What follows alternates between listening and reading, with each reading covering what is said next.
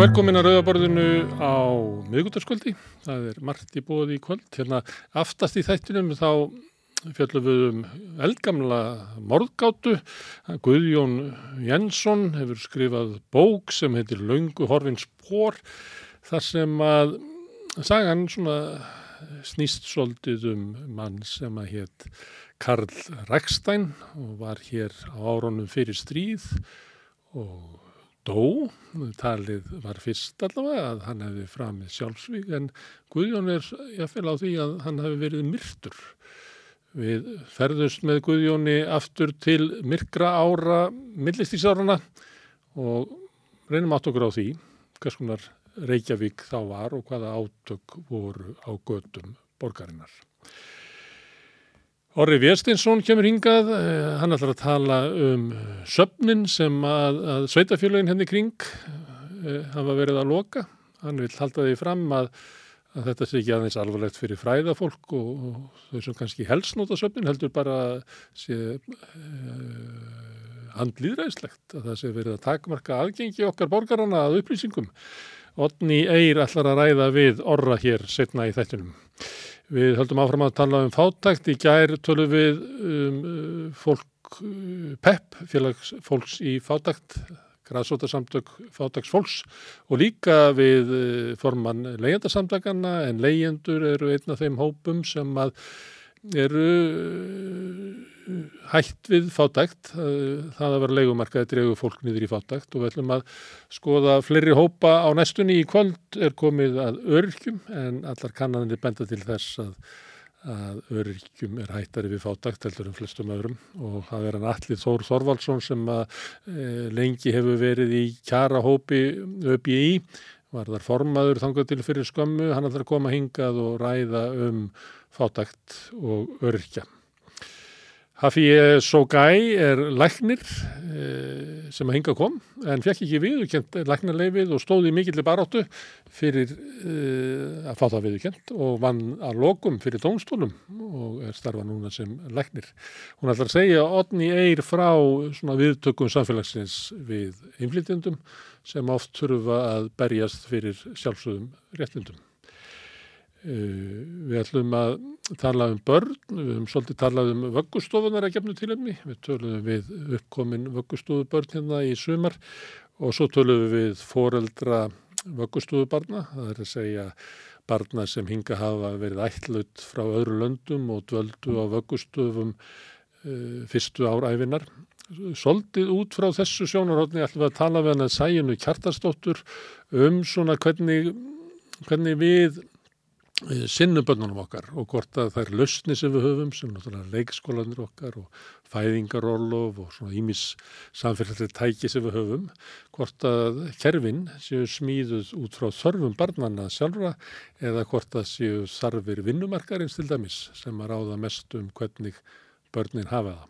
Þetta eru viðtölum sem við ætlum að senda út í kvöld en eins og vannalega þá bendi ég á að, að samstuðin er ekki svona venjulegt fjölmjöla-fyrirtæki, við lifum ekki á auglýsingum og öðru slíku heldur fyrst og fremst stuðningi fólks. Og þeir sem að vilja styðja okkur geta gert áskrifendur, farið inn á samstuðin.is, hýttar á hafnin áskrift og skráð sig fyrir áskrift, kostar bara 2000 krónur. Og þau sem að vilja geta látið áskriftina vera jáframt, félagsgjöld í alltíðfélaginu en það er einmitt alltíðfélagið sem á og rekur samstuðina. Nú erum við að sapna fleirum áskrifundum okkur vantar svona slatt í póka eins og sagt er til þess að hafa efni á því að hefja sjónasútsetningar svo að við komumst inn í fjárstýringuna heima hjá þér og öllum öðrum. Ef að þið hafi verið að hugsa um það að taka þátt í því að styðja samstöðuna þá hvet ég ykkur til þess að láta verða að því núna og skrá ykkur á samstöðun.is. En að öðru leiti þá bara býði ykkur upp á Daskar á kvöldsins sér eftir augnablik, en alltaf minna samt og eitt. Við sendum út rauðaborðið í kvöld, en líka miðjuna á miðgudegi, þar allar Sigur og Magnús Egilson að ræða við Sigmund Erni Rúnarsson, fjölmjölamann, hann var að gefa út bók, ég veit ekki, allars ekki búin að gefa 20 bækur en Sigmundur, en nú, þessi bók fjallar um hann sjálfan, þetta er svona starfsæfisaga hans, hann, fjall, hann fjallar þar um sjálfan sig sem fjölmjölamann í gegnum alls konar fjölmjöla. Hann hefur unni víða, bæði í sjónvarpi og blöðum. Ég hef mér sunni með honum um tíma þegar við vorum báður ungir. En eh, ef þið hafa áhuga á að heyra sín Sigmundar Ernis á þróun fjölmjöl á Íslandi, þá verður miðjan hér á eftir rauðaborðinu setna í kvöld. En nú er komið að vitunum dagsins. Með því að ganga í leyendasamtökin stiður þú bara áttu leyenda. Leyendasamtökin eru fyrir alla þá sem vilja berjast fyrir réttlátu húsnæðiskerfi leyendasamtökin.is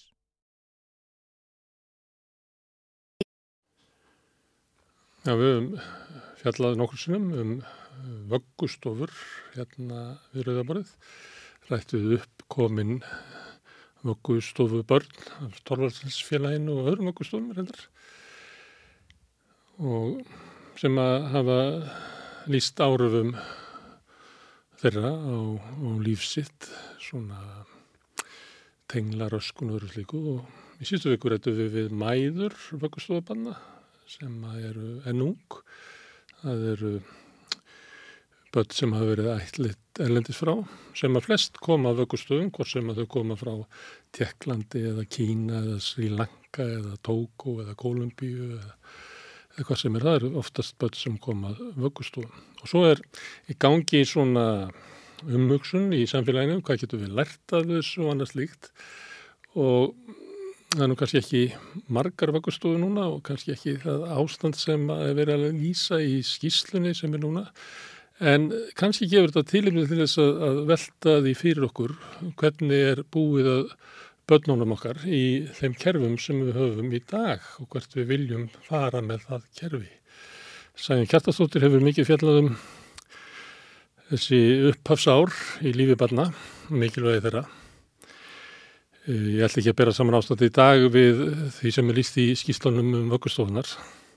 En eftir sem áður að, að það var ekki alltaf rétt kannski að for, fordæma fortíðina og upplifa allt sér gott í okkur í dag.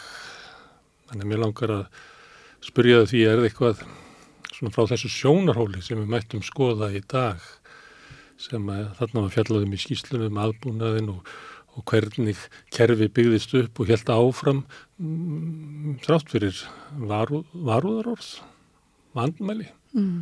eitthvað sem að því að finnst að við getum dreyið inn í svona umræðuna um aðstöðu batna í dag ég er alveg sammálegar við mjög náttúrulega alls ekki leggja í öfnu það sem er að gerast í dag og var á vöggustónu. Það var þetta mjög sérstakt og, mm. og ekki, ég, held, ég er alveg vissum við höfum ekkert sambærlegt því í dag. En það er alltaf svo miklu auðvildar að líta tilbaka og líka á einhverja aðra en okkur sjálf og sjá það sem að misferst þar. Og ég, hliðstæður sem ég sé er, er til dæmis það að á, þegar vöggustónu voru regnar Sko við getum ekki eins og skilt okkar bak við fáfræði því það var ekki það að það vissi enginn að hvað þetta væri alvarlegt og hættulegt. Það, það var alveg vittneskjöf en það voru ekki mótöku skilir fyrir henni. Mm. Fólk vildi ekki vita það. Mm. Og það er það sem að ég sé kannski við séum líka svolítið að kljást við í dag. Það er heilmikil þekking um þarfir badna, hvað við þurfum að gera til þess að byggja upp sterka og heilbriða einstaklinga en það er ekkit rosa mikil spenning, spenningur fyrir þeirri þekkingu mm. og að hverju? Jú, þetta kostar peninga og þetta er vesen mm. Og við erum eitthvað kerfi sem hefur eitthvað tilgang að geima börnin eða eitthvað Já. eins og var það með vöggustofunar að fólki sem að rækja þetta taldið þetta að hefði sko merkan tilgang og hann var bara meiri, mikið meira, meira virði heldur en það sem fólk sem hafði kannski betri þekkingu var að benda á. Já, ég held að það voru náttúrulega skipta skoðanir um þetta. Margir gátt ekki hugsa sér að starfa þarna til dæmis og hættu að þetta var bara óbærilegt. Já. En um, varðandi í dag, sko það sem er kannski alltaf óþægilegt að ég menna við höfum haft kerfi sem við höfum viljað trúa það sem mjög gott og, og að mörguleiti er það það og þá erum við kannski að tala um leikskóluna. Já. Ég held að sömuleiti eru þær hugmyndi barsins tíma frá því að við vorum lögðum megin áslá að jafna, rétt, eh, jafna hlut kynjana og konur getur tekið þátt í samfélaginu og svipaðnátt og kallmenn sem var auðvitað mjög mikilvægt. Mm. og ég held að það sem við gerðum var alveg nöðsynlegt á þeim tíma. En við vitum miklu meir í dag um þarfi batna heldur við vissum þegar leikskólanum voru urður svona ráðandi. Og og ég held að sé mjög mikilvægt að þetta fari ekki út í einhverju svona tókstreitu sko leikskóla, ekki leikskóla, auðvitað þurfum við leikskóla, við þurfum bara góða leikskóla. Mm. og þetta er ekki spurningum að geima börnin, það þarf að annast þau. En það þarf að gera það meira á þeirra forsendum. Ekki þú veist, sem eru kannski okkar fullortni eða eru, eru úreltara mörgum Eða eru kannski bara fórsetur atvinnulífsins sem að vilja fá til já. starfa sem fyrst. Ég meina það eru óbúslega margir að berjast um aðtegli og orku fóreldrana og atvinnulífið er mjög frekt þar. Þannig að, að sko, það er auðvitað erfitt fyrir fóreldra og forgansraða líka því það er svo takmarkaður stuðningur við þá. Mm. Og fæðingarorlofi er náttúrulega bara kannski auðljósast að dæmið að þeir fá fæðingarorlofi í eitt ár en leikskólandi taka ekki við börnunum fyrir um tveggjara. En markmiðið er að, leikskólandi takki við þeim fyrr. Það er bara, bara orðagjálfur finnst mér að því að Mm. þú veist, jú, í orði hvernu það er að taka við þeim fyrr, en hvað þarf til þess að þeir geti gert það? Það er ekki nóg að opna hús. Áttu við það, eh, það er nú stjórnmálfólk sem er að lofa þessu, að það Að þau áttu sig ekki á því hvað þarf til þess að byggja upp leikskóla fyrir svona ungbönn. ég held að þau takið það ekki alveg um borð Mm. og það er svo mikil pressa bara á að leysa þetta þannig að það er að lofa á þess að það sé held ég oft innist það fyrir því. En það þarf auðvitað miklu sko fleira og, og betur mentað fólk til þess að sinna börnum og auðvitað mentun er ekkit endilega skilir ef fólk er í góðum tengslum við sjálf sig og, og getur sett sér í spórbarna og ber virðingu fyrir þeim. Þú þart ekki endilega að fara í skóla til að læra það en það hjálpar mjög mikið og það hjálpar þér líka að, að kenna þá öðru staðarsfólki sem að kannski er ekki með þann bakgrunn sem að er að starfa með börnum. Þessu nógu margir í hópnum, starfsmannahópnum sem hafa mentun Já, til þess að geta já, hjálpað til- Já, algjörlega. lift hinnum Já. upp. En ef að það verður mm, stemmingin í samfélaginu er svolítið að, stjórnmálfólki verður að skila þessu loforðum sínum um að hafa leikskóla frá einsásaldri til þess að mæta þessu bíli því að þú heyrta bara í fréttum sem fóröldandi segja ég hérna, verða að komast í vinnuna Já, já, vegna þess að lánin eru bara að falla á okkur ég veit það. og En ég held, sko, við þurfum að eiga meira samtal um þetta bara út í samfélaginu, hva, hvernig við viljum hugsa um börn. Og mér finnst algjört líkilatrið að fóreldrar eigi meira val, en, en þeir eiga náttúrulega ekki val ef þeir eru sko fjárhagslega svo aðþrengdir að, að þeir, eins og segir, verða að vinna til að borga lánunum sínum. Og þarna held ég að sko ríki þarf að koma miklu sterkar inn í. Og það má ekki líta á þetta sem einhvern greiða við fóreldra að vera að borga þeim fyrir að vera heima með börnunum sínum. Þetta er bara samfélagslegur sáttmáli sem við þurfum að gera um. Það þarf að sinna börnum, já, hver er bestu til þess og fá, og hvert er svarið við því? ég held að oftast þau séu það fóreldrarnir, en ekkit alltaf. Og sumir fóreldrar eru miklu betur í stakk búinir til þess að sinna börnunum sínum eða þeir fá líka vinna. Sumir finnst þetta allt og krefjandi og erfitt og leiðilegt að vera heima allan dæmi með barni og það gerir það ekkert að vera í fóreldrum. Nei. Og þá ertu kannski að tala um annars vera að það þyrfti að vera eh, leikskólar sem tækja við börnunum eins ás, jáfnvel yngri jafnvel sömu tilfellum er það já, bara já. betur betur geimt, eða höfð, höfð þar heldur en hjá fóruldrum sömu fóruldrum allavega og síðan væri það kannski að, að vinnumarkaður myndi vera sveigjanlegri þannig að, að fóruldrar getur unnið hlutasturf Já, og þeir fái líka sko greitt fyrir að vera með börnunum sínum. Og, og þegar ég segi þetta greitt fyrir að vera með börnunum sínum þá finnst kannski fólki það svolítið skrítið að vera að borga fólki fyrir að passa börnin sín. fæðingaróla er náttúrulega Við er það, já, það- orðað já, já. Þannig að minnst þetta aðal spurningin hver er best til þess fallin og ég menna oft er það fóreldrarnir en stundum eru það aðrir. En það er, ég held við séum svolítið föst í þessum hugsanrætti sko það að annars börn það á ekki að kosta peninga.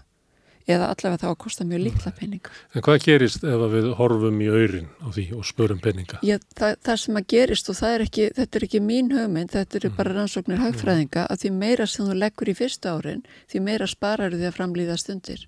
Það er, það er beinlínis eh, betri ávöxtun á okkar fjármunum að nota þau fyrr á æfi barnana og þegar við erum að tala um æfi barnana þá erum við að tala um þetta sko fóreldrana líka. Við getum aldrei aðskili börn frá öðru fólki. En uh, samfélagið þarf að móta einhverja svona stefni í þessum málum. En það er, samtalið um þetta er mjög erfitt, rekst á alls konar þröskulda, meðal annars, þú nefndir það að þegar leikskólanir voru byggður upp að þá var það gert til þess að auka aðtunum þáttöku hverna, myndi, myndi fyrirtækin orða það, konum það myndi segja að, að, að auka frelsi hverna til aðtunum. Já, já, sem var mikilvægt. Sem var mikilvægt, en, en í dag þegar er talað um að, að borga fóröldrum fyrir annars börnin heima mm -hmm.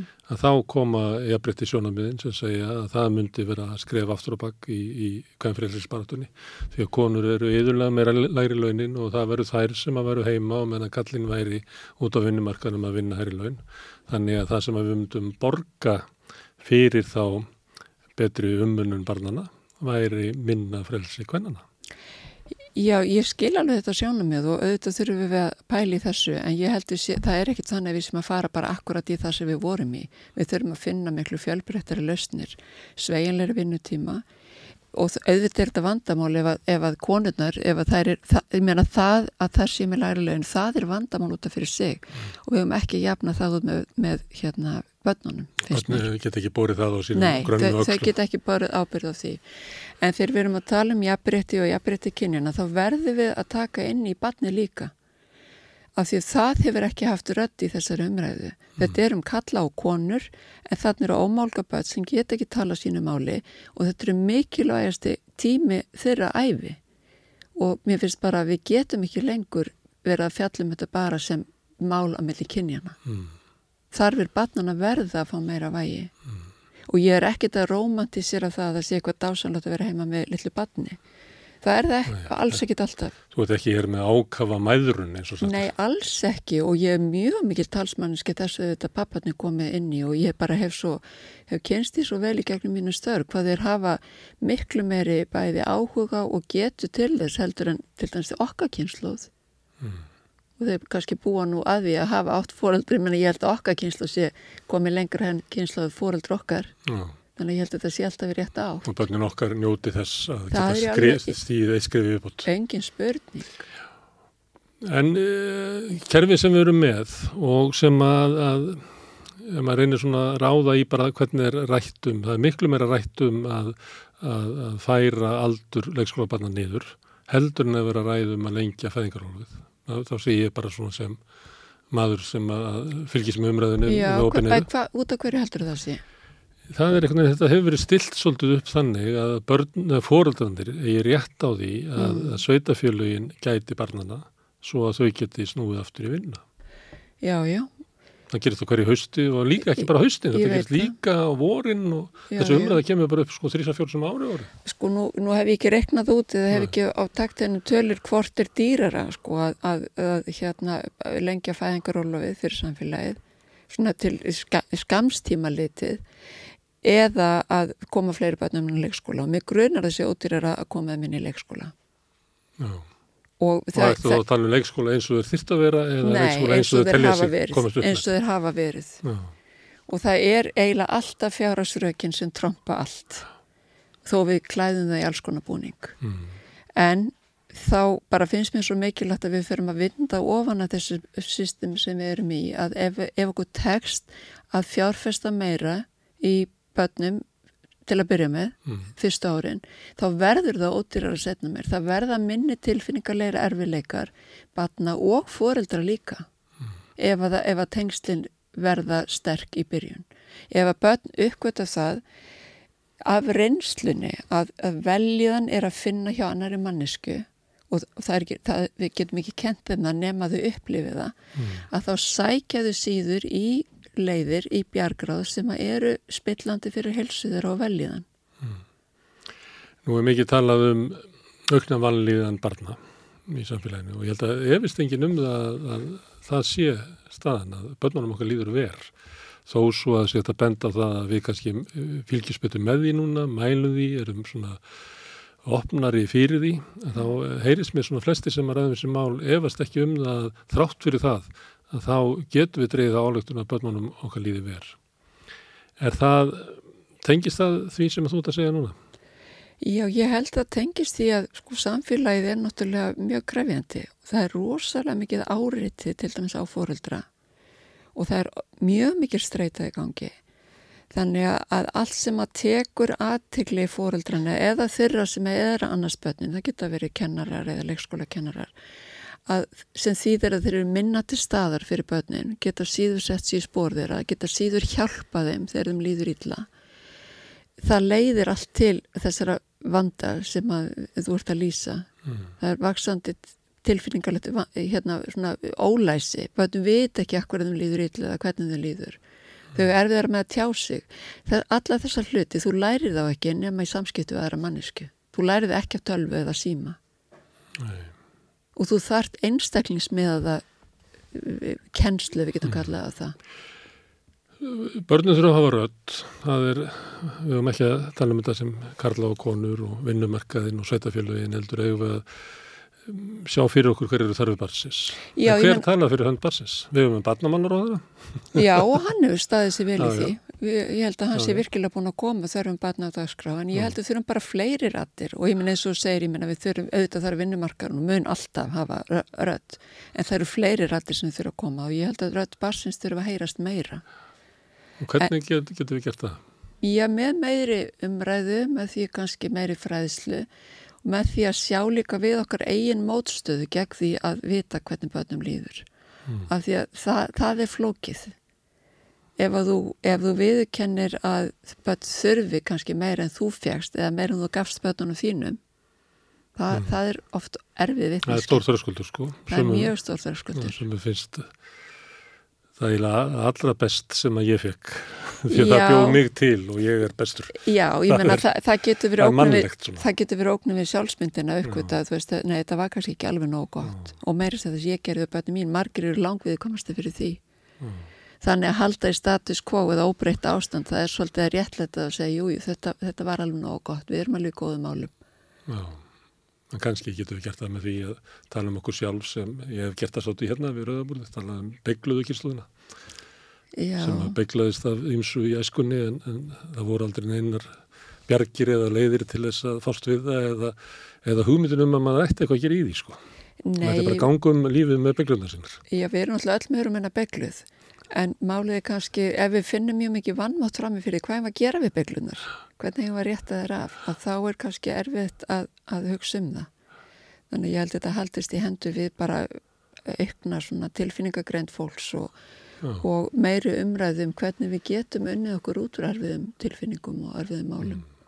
og það er ekki engin kvikviks þar, það er enga pillur. Nei, En, en eh, aðtegli á okkur eigin bygglur geta kannski hjálpa okkur í að opna augum fyrir því að kannski þurfa börn um, betur umbúna heldur við fyrir Já, um mitt viðkenninga á þeim og, og, og, og draga ekki allt og viðtakar álækturinn af því þú veist það að við séum einhverju bygglur það gerur okkur ekki að vondum manneskum eða vondum foreldrum Nei Herðu, mm. særum, við þurfum að ræða um þetta miklu meira. Við þurfum að gera það, já. Takk fyrir að koma og, og ræða um þetta í öst gammastund. Já, takk fyrir sem er leiðis. Og við höldum áfram hérna við rauðaborðið að reyna að skilja samfélagi sem við lögum í næsti kapli eftir auðvitað. Samstöðin er í eigu hlustenda, áhörvenda og lesenda. Húsnæðiskostnaður tegum meira en helming á ráðstöðuna tegjum verkafólks í eblingu. Hvernig er þetta réttlega það? Ebling stjættafélag.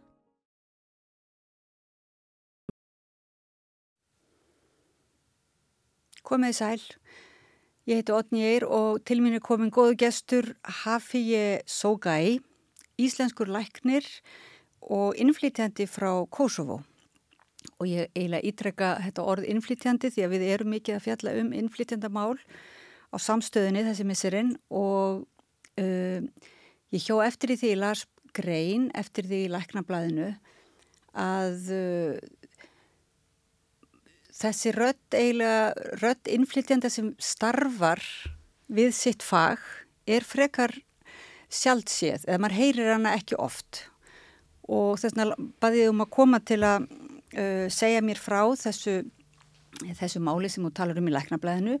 En líka kannski bara fyrstu að ræða um um stöðu innflytjandi eins og þú upplifir hana uh, nú, nú þóra kannski fáir að segja sína sögu og, og segja frá þegar ef, ef mann vita um til dæmis vinnumarkaðsbrot eða einhvers konar óréttlæti sem á sér stað það var að koma út ný skýrsla frá IC um vinnumarkaðsbrotið mitt og kemur ljósa auðvitað fólk vill ekki segja frá því það óttast að því verði hengt eða því sem sagt verði sendt tilbaka eða missi vinnuna.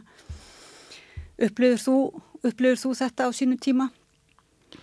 Uh, allavega uh, varðandi vinnu mm. á þeim tíma það voru mjög fári uh, innflytjendur. Þannig að það var, það var möguleiki að fá vinnu. En ég kem með þetta mikla mentun nýjútskrifaður læknir sem kemur frá, yfir, frá stað sem er yfir, yfirvofandi stríð. Mm og ég, það er ekki vonir um að ég fái vinnu. Þannig ég, ég ætlaði tímabundið að flytja til Ísland, Íslands þar sem bróður minn bjó. Mæti ég til Íslands og eh, þar sem ég talaði hvorki ennskunni eða íslensku. Þannig ég, ég ég var bara ég fór strax að tjá mig eftir 2-3 mánuði út af þörfinni. Mm og byrja, uh, ég, ég gerði mér grein að ég gæti ekki unnið mínu starfi til að byrja með þannig að þetta var, eh, það var nóg tímu í, uh, nóg vinnu í bóði á þeim tíma á, á öllum störfum og ég ánæðar að hafa bara flúi í stríð og, og reyna að setja stað með mm. fjölskylduna mína og börnin mm. þannig að svo kemur að því að ég bara fer bara mína, uh, reyni að elda mína drauma og uh, þá bara uh, til þess að fá mitt, mitt starf eða mitt, það sem ég er múin að læra til þess að ég gæti starfa og ég átti ekki vona að ég myndi lenda einhverjum hindrunum því ég bara fólk bara skilur alveg er, hvernig er að klára læknisfræði og, bara e ekki taka til í til þess heldur bara að horfa á því eins og, eins og eitthvað bara uh, uh, ekkert sé. Þannig að já ok, þá bara fer ég í íslensku nám því maður átti að vera vel vel talandi til þess, að, til þess að starfa í þessu starfi þannig ég gerði mína vinnu og fór bara þrjú ár í íslensku fyrir útlendinga og þá bara allt í einu mæti á læknadeildinni og bara held að það myndi bara þetta ganga. Já, það var eina hindrun raunverulega, það var íslenskan. Til þess að fá þína mentun viðkenda þá þyrtur þú bara einhver, vegna þess að læknisfræði er alþjóðlegt fag. Já, já, en þú þurfti að það var íslensku, ég gerði mér grein það. Já. Ég bara þá, ég lærði fyrst íslensku áður en ég fór á læknadeildinni já. og síðan fer ég á læknadeildinni og, og já, fínt, ok, við verðum að sjá hvort það er þín mentun e eitthvað er sambærilegt okkar kerfi og eitthvað og svo settu þau ákveðina lög, ákveðin, ákveðin svona program fyrir mig mm. og ég gekk í það mm. og svo þar ég var búinn með þetta og bara allt í einu er að sækja um að fá íslenska leifi þá er lagsins búin að breyta lögunum mm.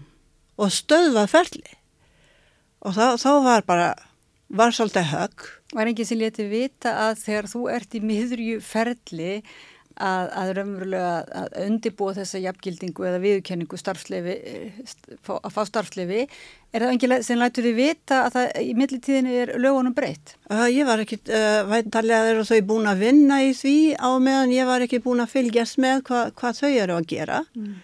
en uh, svo ég sækju um leifi og allt einu er stoppara þú, þú verður að fara í áttatbróf í viðbót sem var ekkert í, ekkert, ekkert í, í lægi og, og ég gæti ekki séð mig, ég, ég ætlaði ekki að eða 2-3 ár í viðbóti í bókum Nei. til þess að fá eitthvað leifi, þannig að ok, en uh, á meðan var ég starfandi á sjúkrahúsi. Mm. því sjúkrahús þurfti að mér að halda samt sem áður.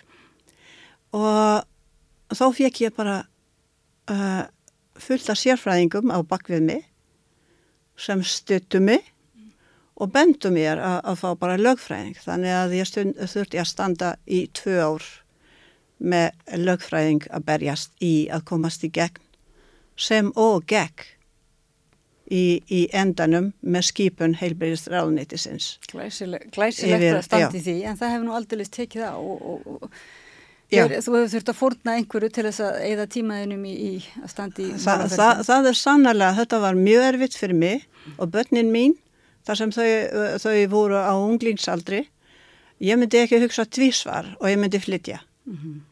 Fara annar staðar í Evrópu. Ef þú, veri, ef þú hefði verið einn? Ef ég hefði verið einn, en mm.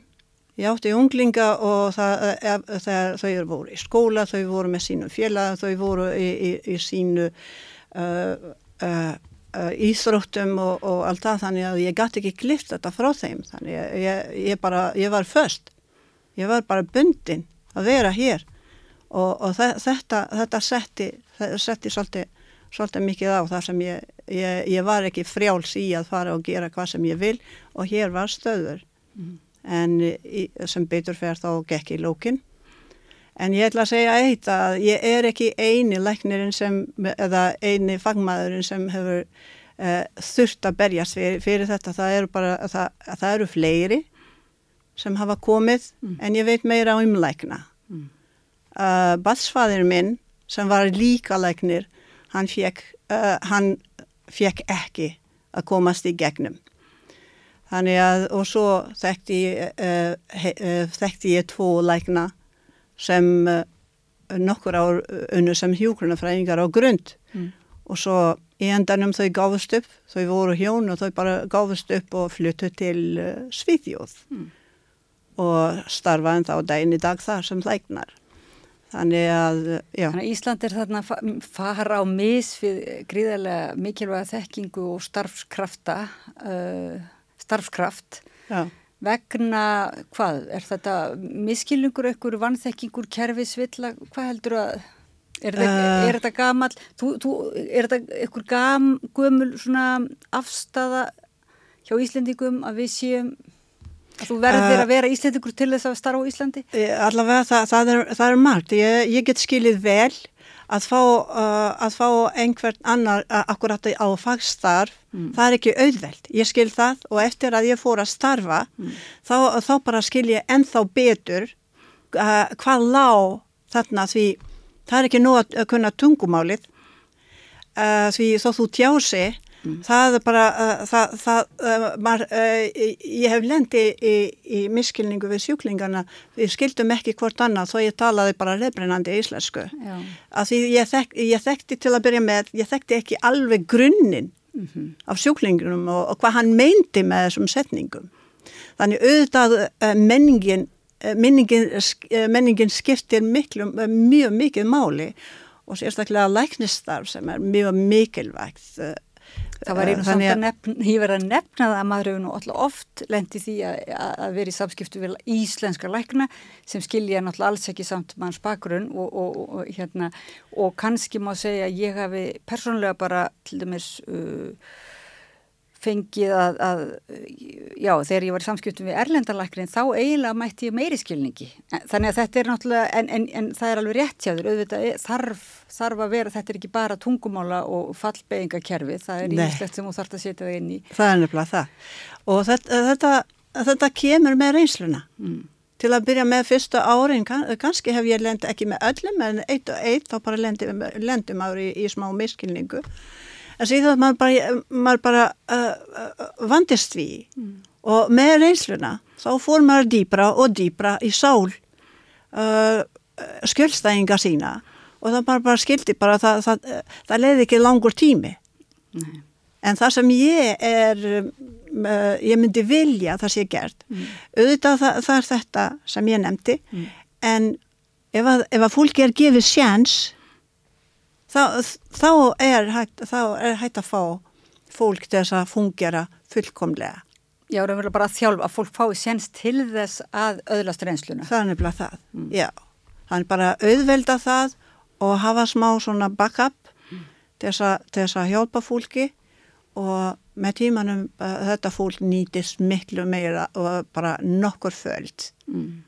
Þú nefndi líka að þetta væri ekki engungu sko hindranir uh, varðandi fagþekkingu innflytjanda heldur líka gagvart uh, mentun þeirra Íslendinga sem hafa uh, verið í læknisfræði annar staðar en á Íslandi og koma heim að það, uh, að það hafi líka jafnvel reynst erfitt að fá viðkenningu á þeirri mentun eða hvað?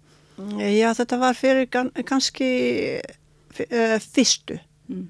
Þau fyrstu sem, sem fóru að læra á Ungverjalandi, það tók svolítið brössulega mm. að, að fá leifi, uh, uh, fá, fá að komast inn í kerfi.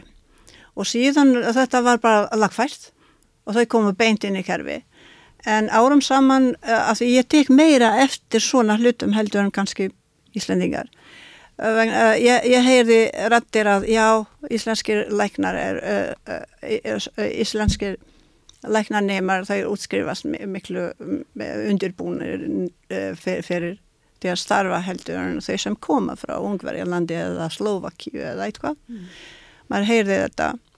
En uh, þetta hefur tölverð lagast undan, undanfarnum árum. En þetta, þetta sló svolítið mér sko að að, að þessi krakka þau sem vildu fara í læknisfræði hér og fengu ekki dækifari og þau bara með, með allt sem, með alla erfileika sem þau áttu mm. í að flytja ungir að heiman og læra fyrir utan kostnaði sem þau, þau koma með fullt af skuldum frá, frá þessu námi mm.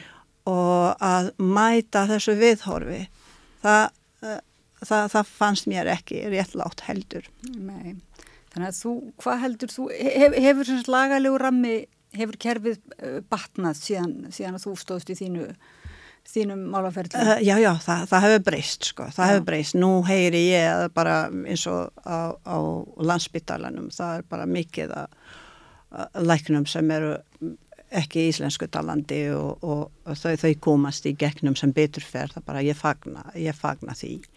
Það er mikið læknaskort, það er talað um læknaskort á Íslandi og, og hérna þannig að það ætti náttúrulega uh, að róa því að það árum að greiða aðgangin. Já, ég, ég vil bara eh, nefna það því til að byrja með þegar það var sett hindranir gagvart mér mm.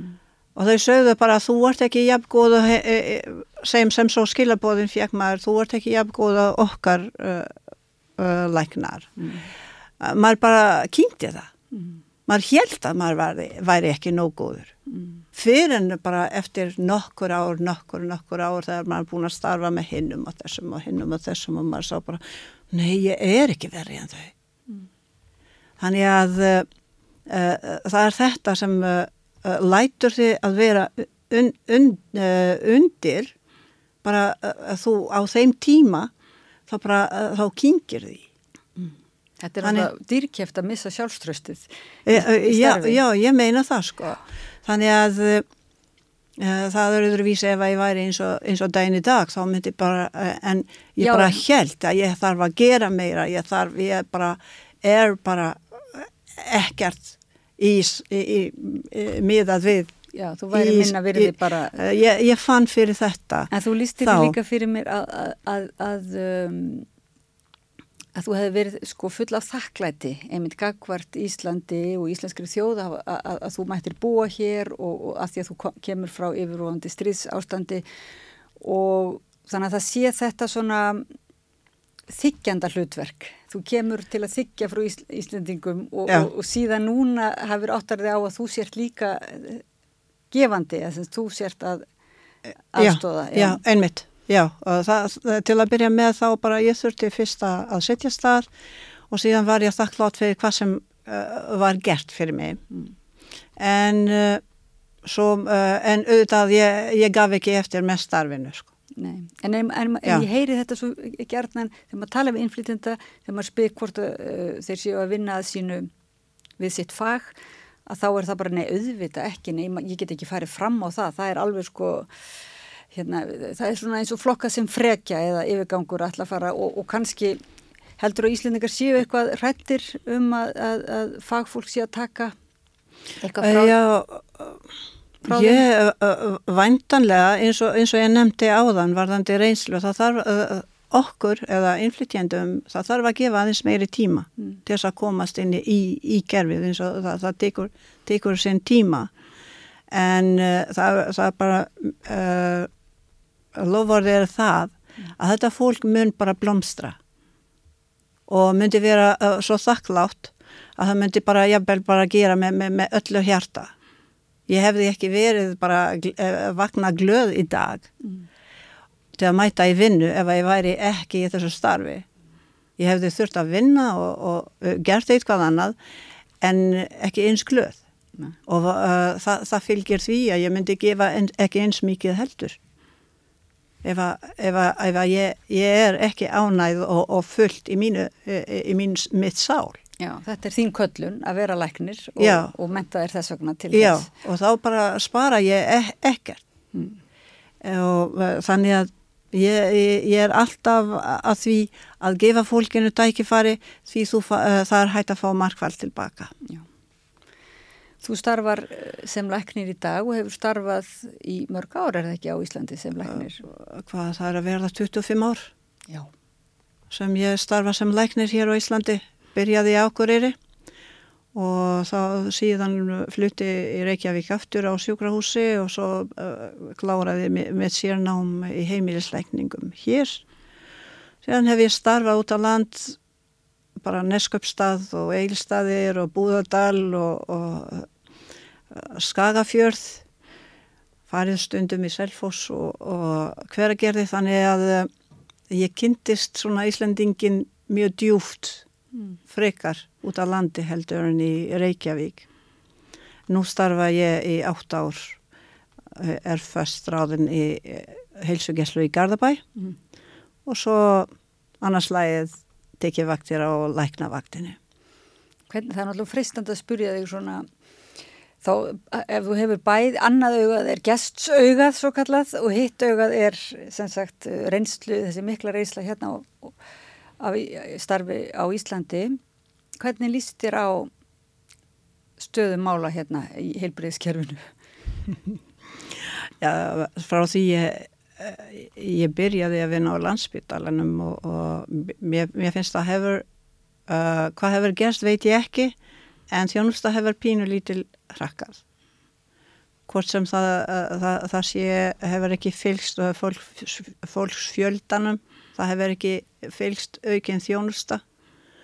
En uh, bara við reynum að gera betur og, og vonum að, að það verður gert bara alveg í heildina betur á næstinu og er hugsað til þess Já, það þarf að halda, hérna, þú sýnir með hendur, það þarf að halda utanum kerfið eitthvað e, til þess að... Já, þess að þetta verði skilvirkt. Mm. Uh, því nú er, nú er til dæmis eins og uh, aðalmáli er auðvitað, við erum að tala um þjónustu, mm. hvort við vei, veitum uh, það þjónustu sem við viljum vera þar, eð, en það eru líka starfsfólki það bara, ef það er bara skortur af starfsfólki það bara þýðir það að starfsfólk sem er til þau verða að vinna hraðar og meira mm. og þetta leiðir ekki til góðs við uh, fólk verður bara út brunnin og, og, en já Já, það var nú mikið talað um einmitt svona álag á, á starffólk, sérstaklega náttúrulega í COVID já, og, já. og líka þetta ungt uh, fólk sem hefur verið í námi áframhaldandi námi erlendis að það eiginlega hætti bara við eða hiki við að koma aftur til Íslands vegna þess að mikla vinnu álags. Það getur leitið þess sko mm.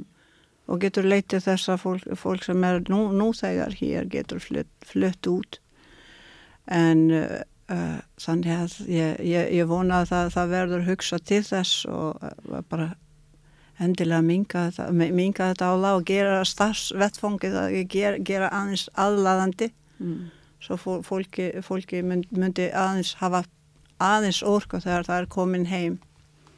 Hva, ef að þú væri heilbreyðisra á þeirra í, í hérna, nokkra daga, hvað myndir þú svona, á hverju myndir þú byrja til þess að, til þess að raunverulega tryggja og trista uh, lækna umhverfið? Já, allavega, auðvitað það, það er alltaf fjármagnir. Mm. Það er fjármagn, fjármagn. En ég, ég, ég myndi bara gera það sem þarf bæði í sjúkrahúsum og, og, og, og heilsugeslum bara, uh, bara sjá til þess að, að þetta verður skilvirkt og það, uh, það, það gerir því við, við erum að tala um skort hjókronafræðinga en við erum nó, með nóg af hjókronafræðingu við erum að útskrifa mikið af hjókronafræðingu en það er starfa ekki í sjúkrahúsi. Það vilja ekki starfa í heilbreyðiskerfin mm. það er fara einhvers þar annað. Og ef að þær fá bara uh, uh, sömu, sömu kjör mm. í heilbreyðiskerfinu það myndi ekki fara neitt það myndi bara vera þar Já. en það er kjara baróta sem, sem Já. Já. Líka, líka og, og þessi afstæða það þarf viðhórsbreyting, kjara barótu og viðhórsbreytingu gagvart um, bara öllu starfsfólki í heilbreyðiskerfinu en líka gagvart þessum innflytjandu. Hva, hvað myndur þú enþá vilja segja? Er ekki enþá einhver ljón í veginum fyrir þá sem koma hinga til lands og, og hafa fagþekkingu sem að... Uh, nú, nú er það miklu betra eins og þar ég tek vittalin á læknablaðinu og ég vel bara þetta vittal. Mm. Þá er ég að tala um mína reynslu sem ég rauninni, ég flutti hér fyrir 30 árum síðan og margt hefur breyst. Mm margt hefur breyst til, til góðs.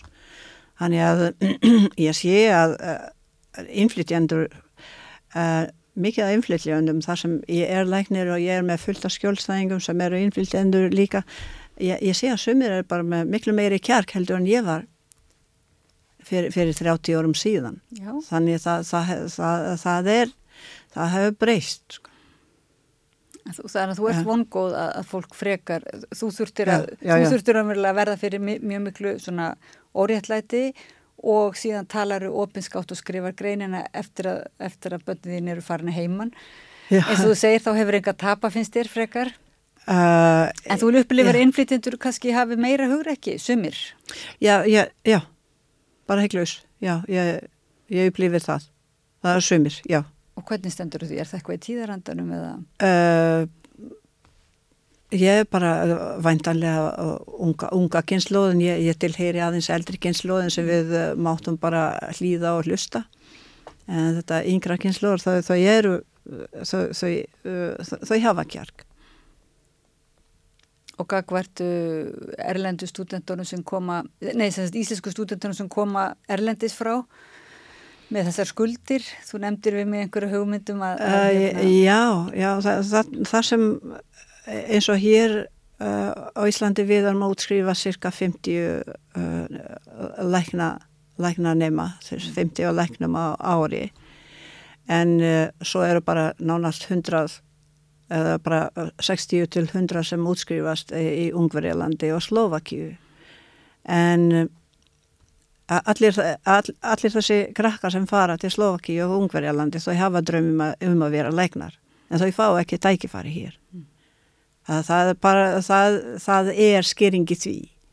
Því læknadeildin uh, með, með, með, uh, við aðstæður sem hún er núna hún er ekki í stöðu í að auka of mikið uh, númur af læknanemum. Þar sem það þarf uh, til, til þess að skýra ekki gæði mm. námsins. Mm.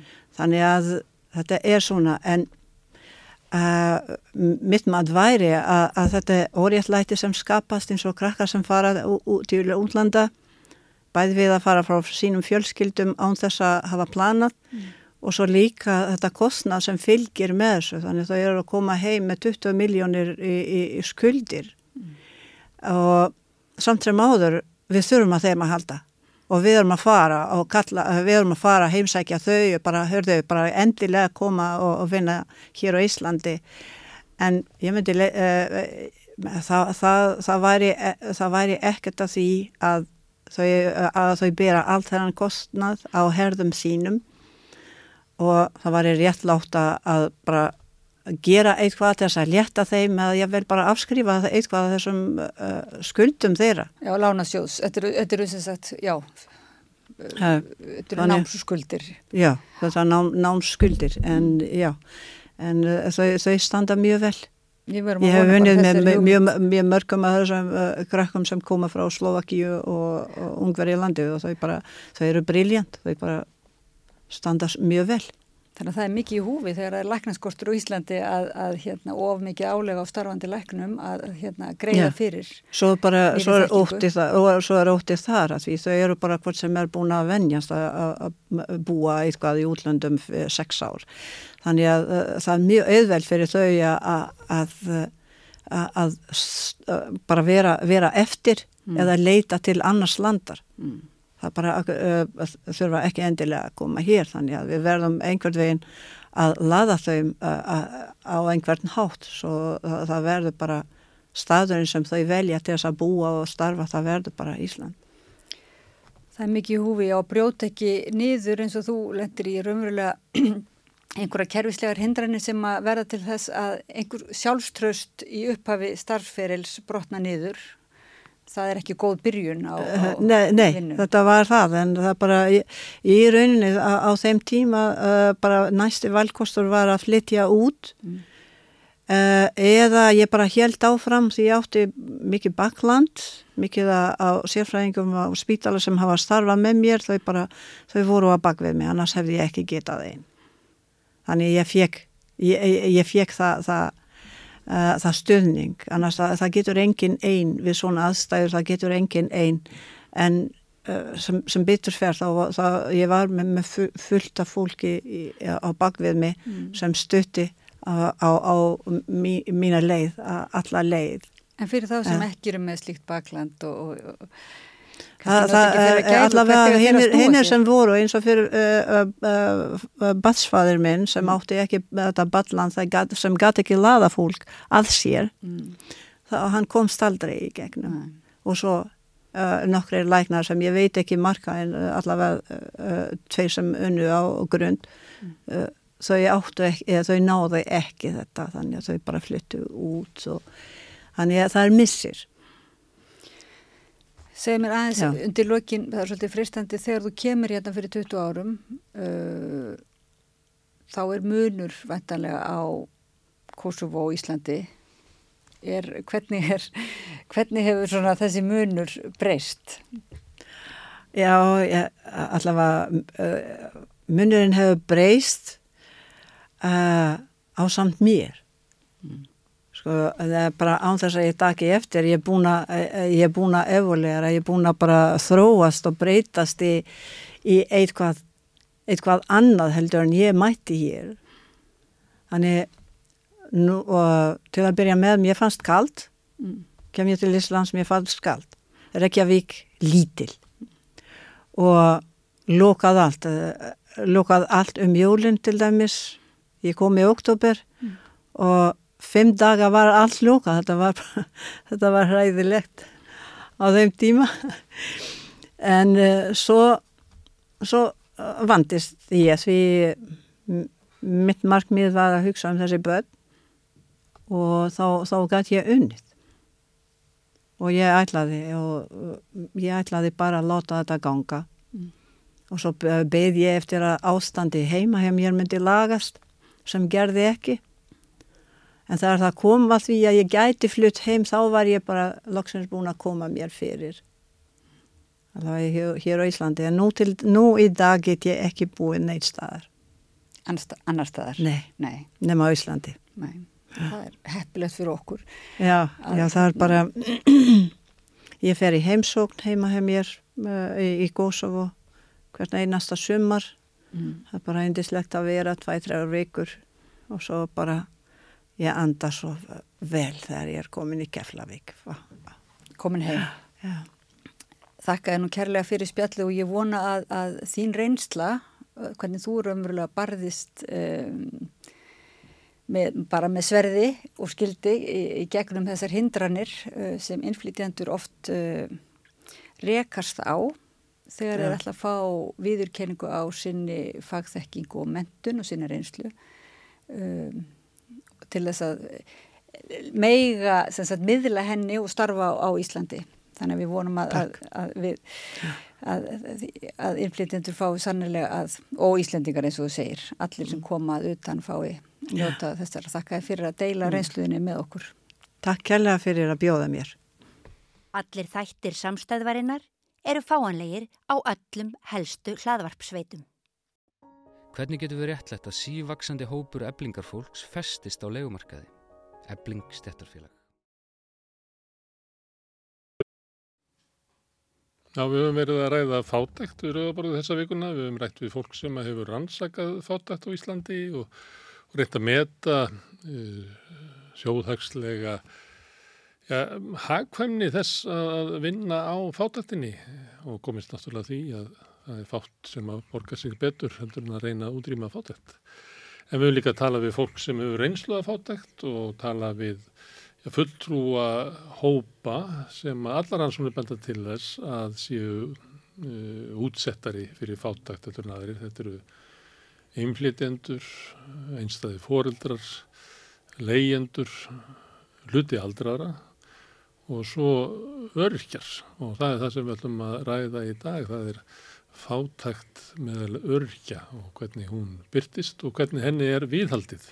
Hingaði komin Alli Þór Þorvaldsson velkominn, þú ert fyrirverandi formaður Kjarahófs upp í og hefur starfað það lengi Já. og inn í stjórn örgjabandalagsins uh, um tíma og þekkir vel til þessara mála. Já, ég er búin að setja mig nokkuð vel inn í þetta og búin að vera að berjast fyrir því að það sé gert eitthvað í þessum málum.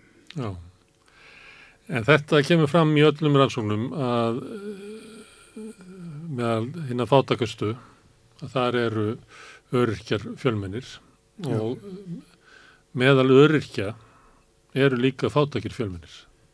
Það er ekki þannig að þessu allir öryrkjar eða allir sem eru fallaðir eða langveikir sem eru fátakir en það er stort hlutallir. Já, það er, það er mjög hátt hlutall og þeir sem að uh, lifa engungu á bótum almannatrygginga hmm. uh, eru undir lámaslaunum í framfæslu. Og munna tölverið nokkrum 20.000, 70, 80, 90? Hefur dreyið úr meðan að eh, áhersla hefur undarföndu kjærasamningum verið lögð á að hækka krónutölu lagstu launa. Mm. Þá er ekki slíkt verið í gangi hjá hölluðu fólki mm. sem að dregst þá aftur úr. Í þeim samanbyrði. Þar er frekar miða við það að, að örgu bæturnar haldi vergildi sínu? Já. En þegar að, að lagstur laun hækka umfram það að þá verður... Það dregur í sundur. Já, já. Nú, það hefur verið langvinn barátt að viðkenna sagt, almannalífur hækki skilningur okkar á, á, á lögum almannadringar er að það er eiga að hækka samkvæmt launavísutölu eða, eða nýstluversiðstölu eftir hvort er hæra mm. en þetta hefur nú ekki verið tólka þannig að, að launavísutölan fjármálaránundi hefur miða við áallanir sínar á efnarstróun mm. og velborguþróun og er íðulega ívið lægri þannig að heldur reyndin verður. Heldur reyndin verður. Ég skil ekki okkur ekki hægt að bara uppvara og leira þetta raunstöðu eftir á. Segjum að ef að fjármálaráðandi gerir á fyrir 5% elbólgu næsta ári og, og, og, og 8% þess ári svo næstu áramót þegar að vísutölu líka fyrir þá sé þetta bara leiðir þetta mismunin ef einhver er og láta svo áallu næsta á standa þá kannski til lokast þá er var aftur bara bætt, bætt fyrir með röntulum hmm.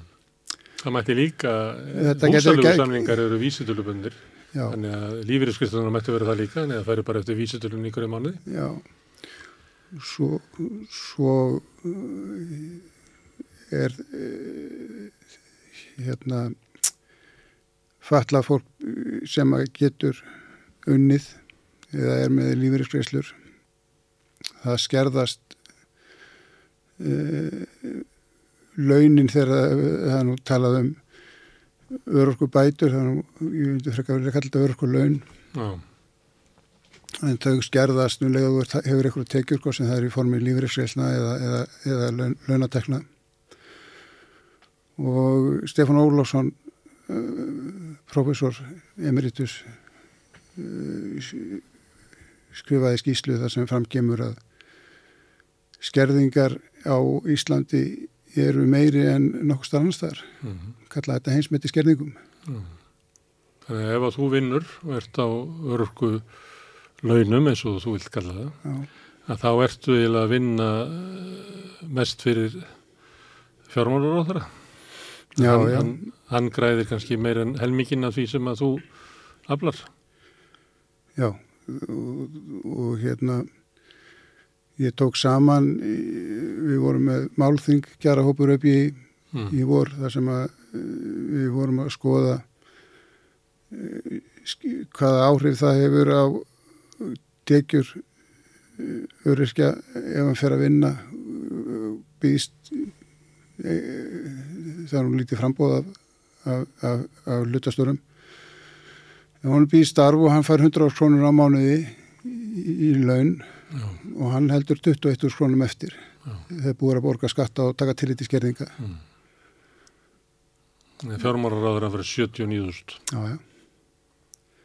Þetta er óreittlæti, finnst ykkur? Þetta er, þetta er óreittlæti og, og heldur niðri aðrunni þáttöku, það er ekki kvati Já og, og sko vandin það, það, það má segja það það hafi verið þrýstingur eins og í fyrir síðustu kostningar að þá virtust flestir stjórnmálaflokkar vilja bæta stöðu öryrkja mm. við hefum ekki fundið það hjá núvarandi ríkistjórn og en, en vandin eh, virðist vera viðkendur að þessu leiti og í stjórnarsáttmálunum var sérstaklega fjallan um það hvað stjórnvöld ætla að gera og það, lístu við vilja til að bæta stöðururkja mm. við höfum digið þátt í vinnu við og við ekki aðtegla á hvað einstaklega þurfi. Það, það, það vantar til dæmis framfæsli viðmið hvað kostar að lifa. Mm og við höfum verið að geta ykkur því það er aukinn kostnaður hjá fölluðu fólki. Bara við það að vera með skerningar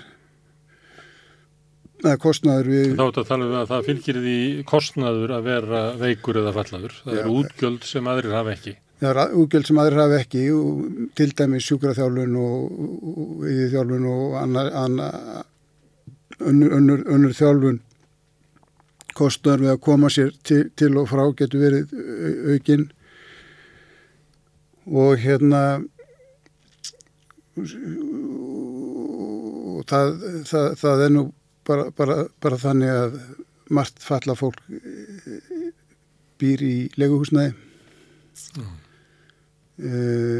það er hérna herra hlutvall öryrkja sem búa í leguhúsnaði heldur en annara vegna þess að það eru tekjulagri það að leia er afleiðing fátættar og fátætting getur verið afleiðing örorkunar. Já og stærstur hluti öryrkja sem eiga eigi húsnaði eignust áður en þeir fölluðust Já. og hérna uh, svo er enn og koma þessu aðeins skiplega fram sko það, það er láttekjuvandin er til staðar e, ef við komum til á möguleika á að vinna tímabundið eða, eða, eða treysti sér til í, í, í lutastarf þá eru skerðingarna svo miklar að það eiginlega borgar sig illa hmm. Nú eru stjórnvöldar einn að búa til fleiri störf í orðið að minnstakosti hlutastörf, kannski 20-50% störf sem er lítið frambóð af. Og síðan er það reyndin að fólk skerðist það mikið að það, það er alls ekki fyrirhafnarnar verið í mörgu tilvíkum og fólk hefur leitað til tryggingastofnar og spurt hvaða megi að hafa í tekjur og þar fara upplýsingar um að það sé frítekjumark upp að e-, eitthvað ákveðin uppað, mm. 200 krónur á mánuði núna en voru lengi 109 krónur og svo fer fólk að vinna og, og, og svo kemur ljós að það eru einhverju fimm greiðsliflokkar á, á, á tryggingagreiðslum almanlífuris og það, það er kannski sko eitt flokkurinn sem er ekki skertur mm. og það hafa einstaklega leita til örkjabandalagsins sem að lendi því að fara að vinna tímabundi einhver verkefni og og hérna skerningarnar verið hærri heldur en tekjurnar. Áttu þá við að grunnlífurinn hann kannski er með þessi skerningamörk en síðan er kannski heimilis upp út eða einhverja slíkar aukagriðslur að þær eru líka tekjutengdar og skerðast kannski fyrr. Að, já, frá, frá fyrstu krónu sko. Já. Og þetta er náttúrulega... En hvernig ákveðu getur ekki tryggingastofnun bara sagt, sagt og rétt frá? Það skiljum ekki. Hluti af málinu er flækjustígið í þessu það eru ómargir flokkar lífriðskerfi þarf að vera einfaldara Já. og ég vil meina það að ég að leifa fólki að að, að halda frítíkimerki þurfa að vera miklu herri mm. og ég, ég, ég sé ekki að frítíkimörk mætti vera 400 krónur þess vegna það er, það, það er upphæð sem dugur ekki til framfæslu en síðan vandar sko framfæslu viðmið hvað kostar að lifa og hvað kostar þennan einstakling að lifa mm. sem að býr við örorku uh, það var til staðar slíkur útreikningur umbúrsmaður skuldara hefur verið með þetta og, og, félagsmálaráðandi var með þetta hérna eitthvað tíman svo er húsnæðislegurinn tekin út úr því Já. og eins og ég segja áðan þá er herra eh, hlutvall öryrkja sem að býr í leguhúsnaði aðrir og, og þar hefur hækkunin verið mikil kostnaða það er ekkit óalgengt að það sé kannski 75% framfærslunar sem fer, sem fer í, í húsnæði. 75%? Já, það er við hefum gert könnun eh, hérna bæði var varðan með könnun 2021 og við hefum árlega látið Gallup spyrja spurninga fyrir okkur. Og það hefur komið í ljós að það er talsvægt tallu utfall sem er að sem er, er að glíma þennan vanda. Húsnæðskostnar er að hækka mikið. Og það er allt og stór hópur fallarsfólk sem glýmir í þannig vanda þurfa að velja sko á það, á það að sleppa lífjakaupum eða, eða á það sleppa hluta þeirri þjálfun sem það þarf að ástunda til að viðhalda heilsunni. Það hérna En það getur ekki sleppti að borga húsaleguna því þá endar á þú götu. Það er svo leiðis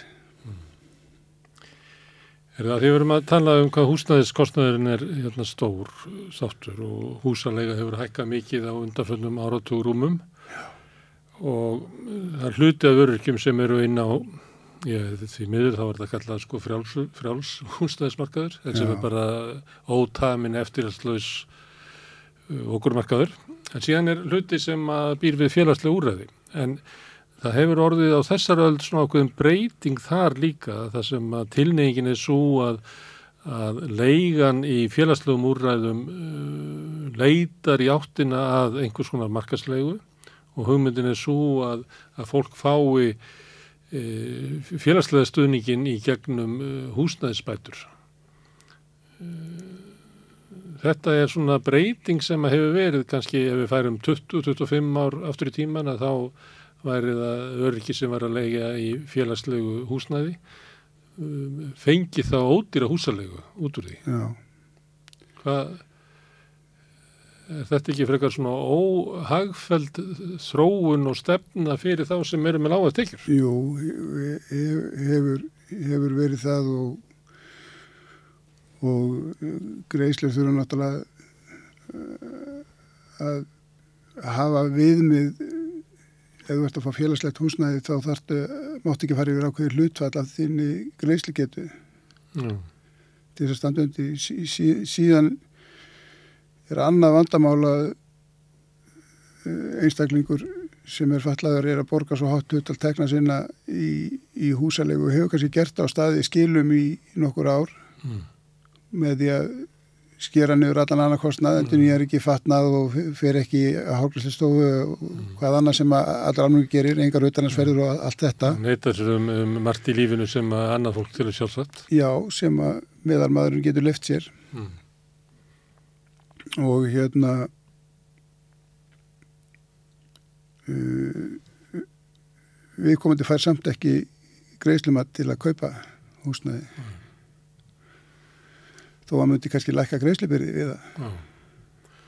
Tölvan reknar þetta og kennst að því að, að hérna, fólk geti mestalagi staði skil á kannski 130.000 en svo vilt til að þau eru að borga húsalegu upp á 270.000. Já og þá er verið að miða við einhver framfæslu viðmið að fólk þurfi mm. svona svona mikið til þess að í annan, annan aðra framfæslu mm sem að fólk er að neyta sér um kannski til þess að geta staðið undir húsalegu og er þar með búið að sína fram á að það getur staðið undir greiðslupyri og það vant að þá náttúrulega líka kerfi það sem að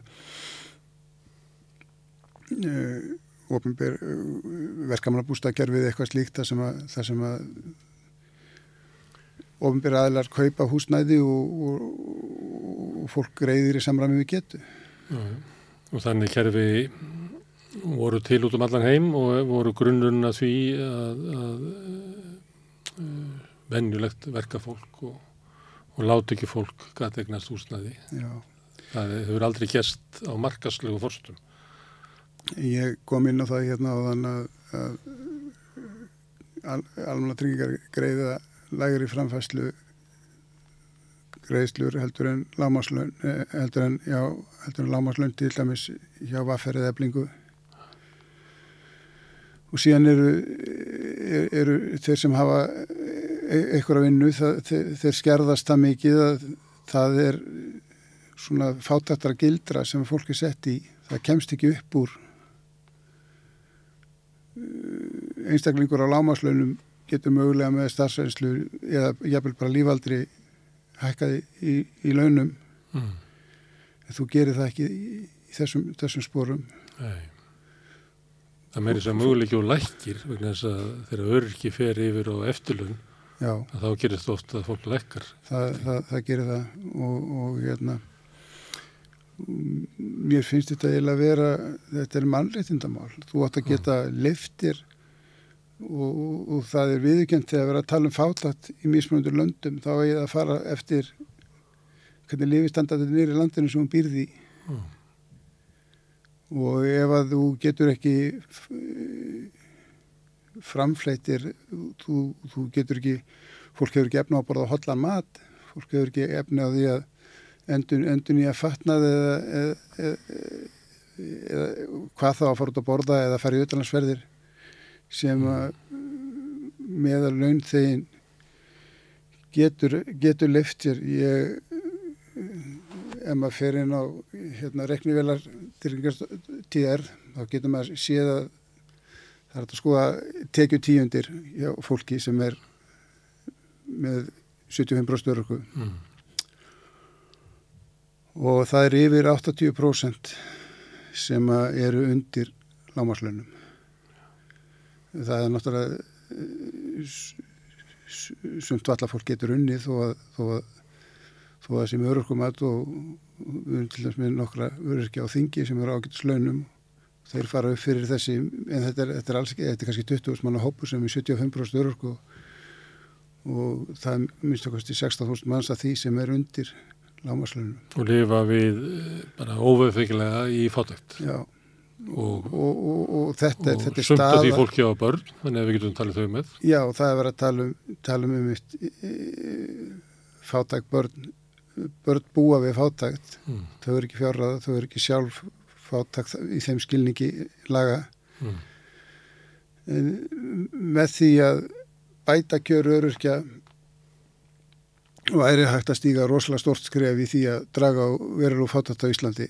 Mm draga á tekjuskerðingum og lefa, lefa fólki að, að vinna með eða getur. Og hérna svo er það nú eitt sem að sko gerir þetta náttúrulega flóknar að fallar einstakleikur getur tímabundið tressir í að vinnu en þú veist ekki hvað hva, hrýnur heilsan við það mm. heldur hann út að, að að vinna fólk, fólk, fólk freistast í þess að fara út á vinnumarkaðan vegna þess að það lifir ekki að því sem það hefur mm. og svo fer það að taka smálánin sem eru dýr og, og fólk lendir í fenni sem það kennst ekki upp úr mm.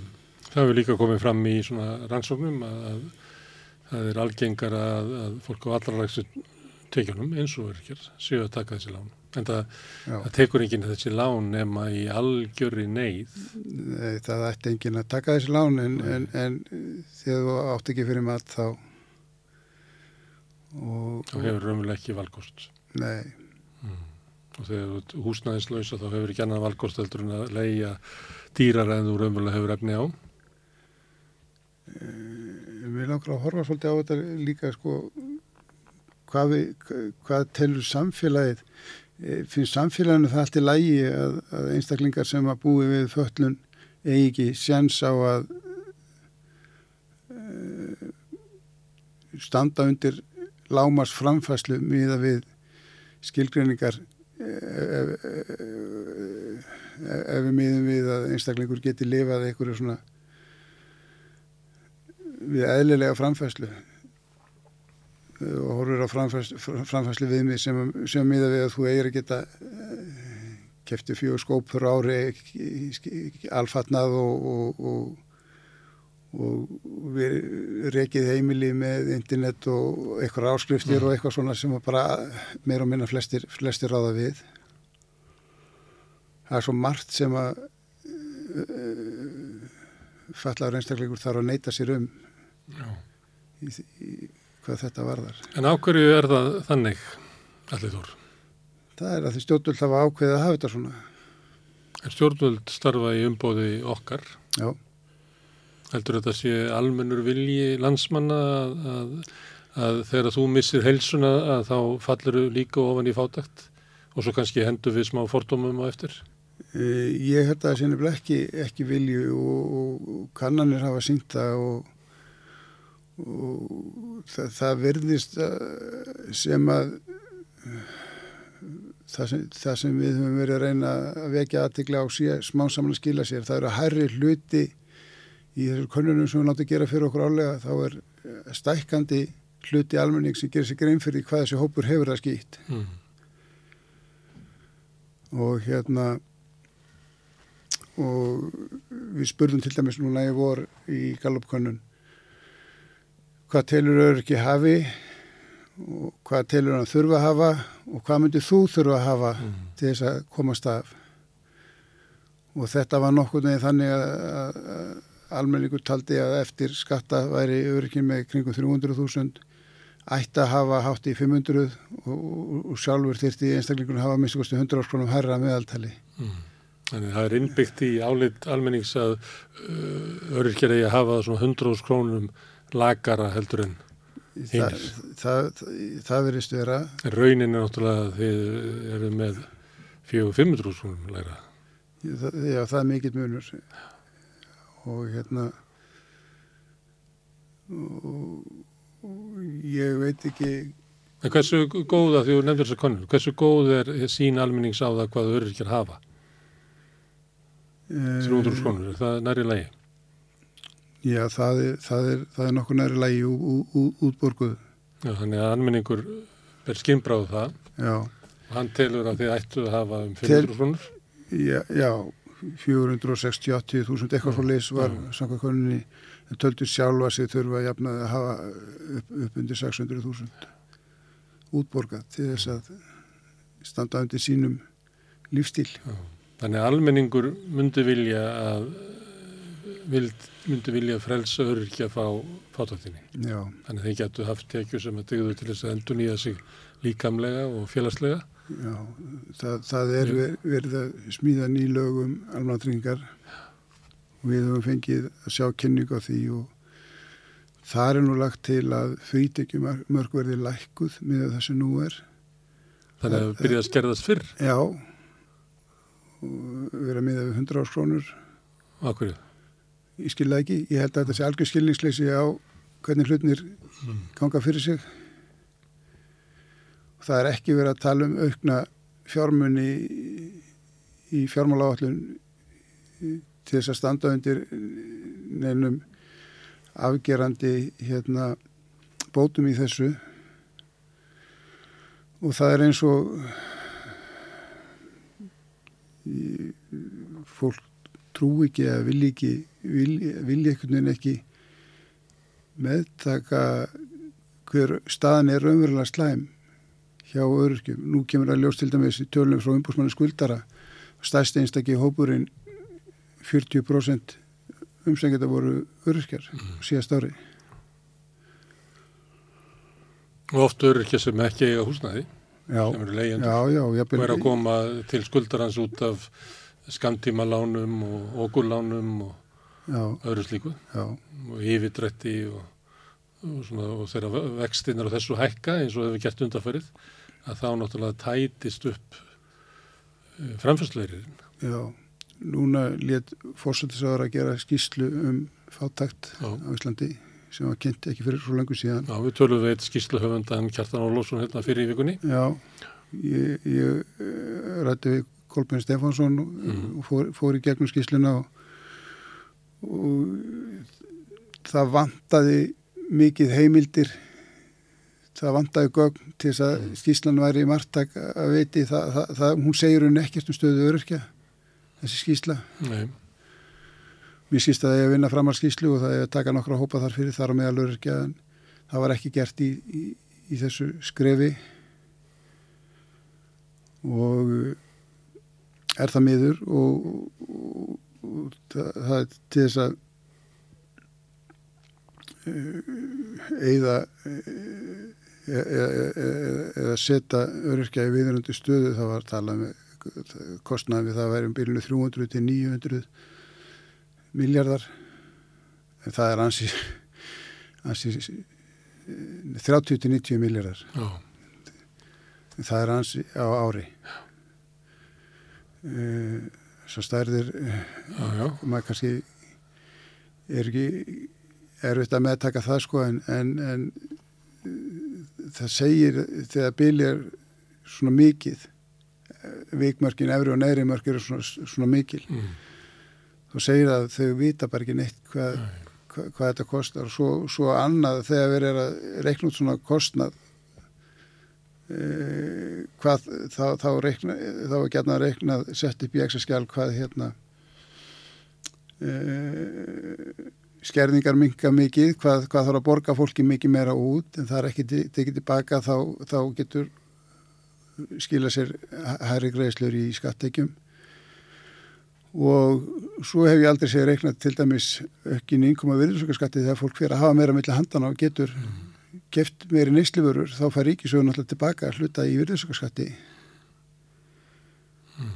þannig að mér finnst að uh, ég hef ekki séð svona ítalega greiningar á því hvað raunveruleg kostnöður og samt er talað um það að það sé tjóðfélagslega kostnöður að fátækt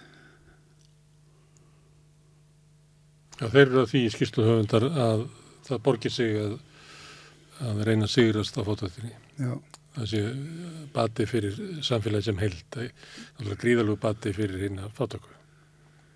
Já, og, og hérna, mér, mér finnst að vera bara svo mikið réttlættismála að fólk getur lifa mann saman til lífi. Já, en þetta eru oft skringilega framsett svona að til dæmis það er okkur kostnað við það að laga húsnæðiskerfið. En það er náttúrulega gríðalugur kostnaður af ónýttu húsnæðiskerfi og þann kostnað bera fyrst og fremst leyendur sem að greiða um hverju mánuða mot allt og háanlegu þannig að kostnaðurinn í mörgum tilfellum hann er þarna, hann bara er að lenda á, á vittlesum stöðum. En varðandi öryrkjar eru falla fólk og veikt. Þegar að hérna ofan á veikindi þín og annara bætist uh, afkomu kvíði uh, bætist uh, já svona það að neyta sér um félagslíf og annað sem að er manni nöðsilegt til þess að endunarast sem manneskja. til þess að, að fræðast og ferðast og lifa lífinu í gleði og, og leita hamingunni að, að þegar mann er neitað um það að það lítur að hafa bara slæm árif á, á sjúkdómanna og föllununa Já, það gerir það og það, það vakti aðtegli með að við vorum með COVID-takmarkarinnar að fólk einangraðist heima og, mm. og það var að tala um hvað að vera erfitt að vera í 100 daga einangrun eða 30 daga einangrun komast ekki út á með að fólks Eh, fallafólki er mjög mikið bundið þarna mm. og eh, Nefna þá ekki efna á því að ringja í teikavegi mat og ímislegt sem að fólk gerði á þessu tíma. Já, einmitt. Getur ekki left sér það og, og, og hérna það er mikil sverði fyrir fallan einstakling segjum að væri, væri, væri búið til kerfi hérna það sem að sko það er nefnilega þegar maður talar um örorku þá er, heyrir maður allt og oft að hinnir og þessir kerfisfræðingarnir hafi það svo gott mm. ég sé það ekki og, og hérna og þert á móti þá eftir því sem ég unni, unni meira þessu málum þá sé ég hvaða rosalega margt fólk sem að lífir ekki mannsamöndi lífi og, og, og leipur döðan og skelirönni aðstæður fólks eru, eru, eru, eru rillilegur og ég minna það er fólk sem býr í, í húsbílum eða, eða hjólísum að því það hefur, hefur ekki efni á að, að búa í leguhúsnæði mm. en hérna það þarf að búa til einhver, einhver framfæslu viðmið sem segja hvað kostar að lifa mannsamöndi lífi. En stjórnum vil ekki gera það því að það er skuldbyttingum að enginn sé undir þeim viðmöðunum. Já, og svo sér maður... Það, það er umvel að stefna stjórnvalda að halda stórum hópum fólks undir þessu viðmöðum. Já. Þess vegna viljum þau ekki sjá, þau vilja ekki fá mælinn, þannig að hann myndi mæla 10.000 sem er undir þessu mörgum. Já. Mörgum. Því að svo eru hérna inn í fátæku öldruðu, svo er fólk sem er fátækt á vinnumarkaði Já. og svo er fólk sem er fátækt og utan vinnumarkaðar á þess að vera örkjar þannig að við erum að tala um tögir þúsunda. En, en, en þess að segja það, það, það, það þarf að breyta kerfinu, það þarf að hækka grunn fram, framfæsluna, það þarf að leifa fólki að vinna ef það hefur þrek og helsu til þess. Mm. Það var líka atunlífið að, að svei, gera ráð fyrir því að hluti að vinnuaflinu séu fallaðir Já og, og þetta eru náttúrulega eh, ekkert hvaða störf sem er sem að henda uh mhm. -huh. en fallaður einstaklingur á, á rétt á því að lifa í þessu samfélagi e, samfélagið á að leifunum að vera hlutaði og vinna eftir þörfum og, og, og ferðast og komast út á meðal fólks eftir þörfum mm. ég sé þetta eru mannreitniti mm. fá að komast út og meðal fólks og, og, og fá að lifa í samfélagi í, og, og njóta þeirra gæða sem allir þóru í almennings býr við. En kannan er benda til þess að almenningur sem meðvitaður um allavega fjárháslega stöðu örkja, kannski Já. ekki eins meðvitaður um hver er byrðin af veikildunum og föllunum því að sumu tilfellum er það bara eitthvað sem er bara eh, ekki hægt fyrir þannig að skilja Já, sem ekki vil lendi í. því. Nei, nei, nei, verkir og vanlíðan og, og, og, og ég, ég tala nú ekki um þegar að fjárasáhyggjur bætast við aðra heilsufarslegar áhyggjur eins og varst að koma inn á hérna á þann.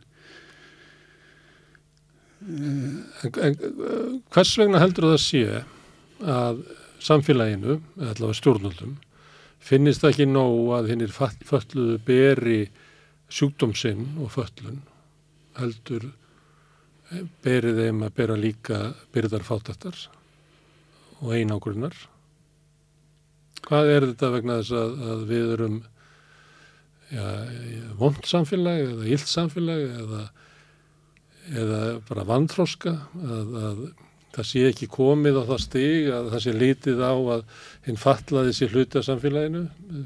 Það getur ímyndað sér svona miðaldir þótt að sé til náttúrulega sögur af samfélagum þar sem það var bara alls ekki. Þar sem að hinn fatlaði eru bara ítt út fyrir borgarlið það er ekki byrði já. á samfélaginu.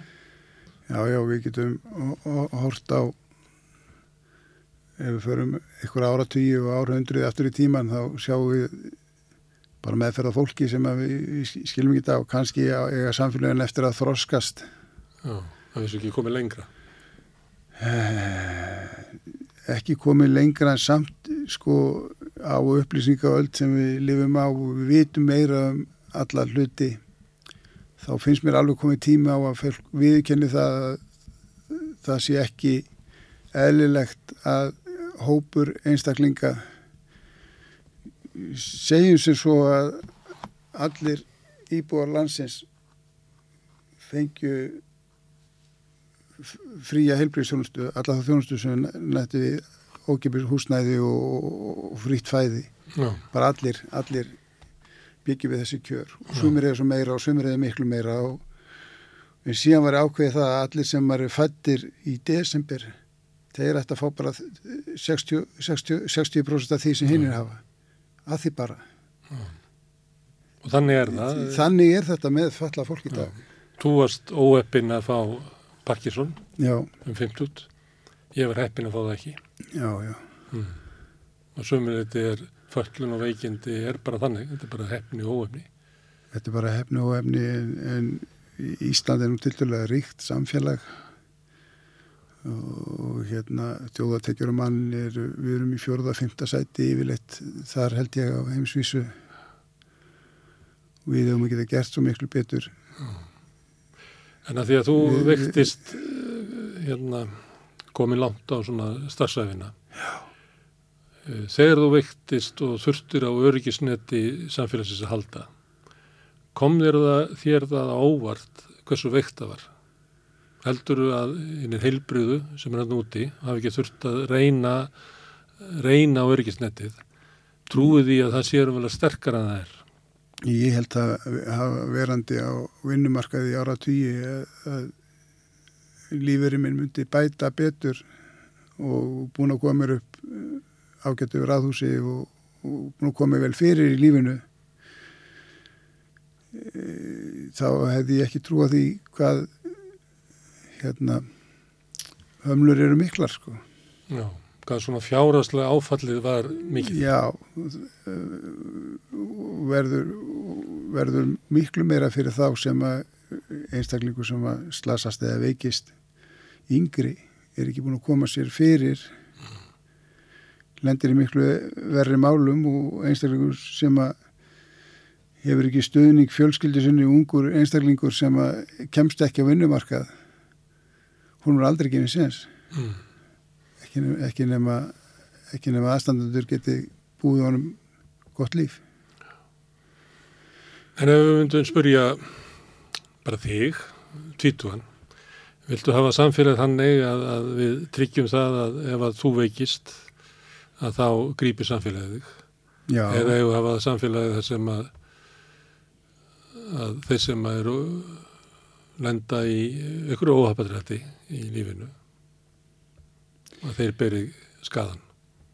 Eh, ég vil að allir fái tækifæri til þess að lífa mannsamandi lífi og samfélagi þarf að bera þessa byrðar en, en ég vil meina að það sé hægt að gera það án þess að það bytni á meðal tekjumannum. Það er nefnilega svo oft sem að almenningur og meðaltekju og láttekju fólk er að bera byrðarnar og mér sýnist meðal annars að, að þau frumur sem eru í smíðu núna líku við eigi að byggja á því að þeir sem hafa það allra, allra vest meðal öryrkja það sé borðið upp á upp af öðrum öryrkjum sem getur unnið og afla samfélaginu eitthvað að tekna.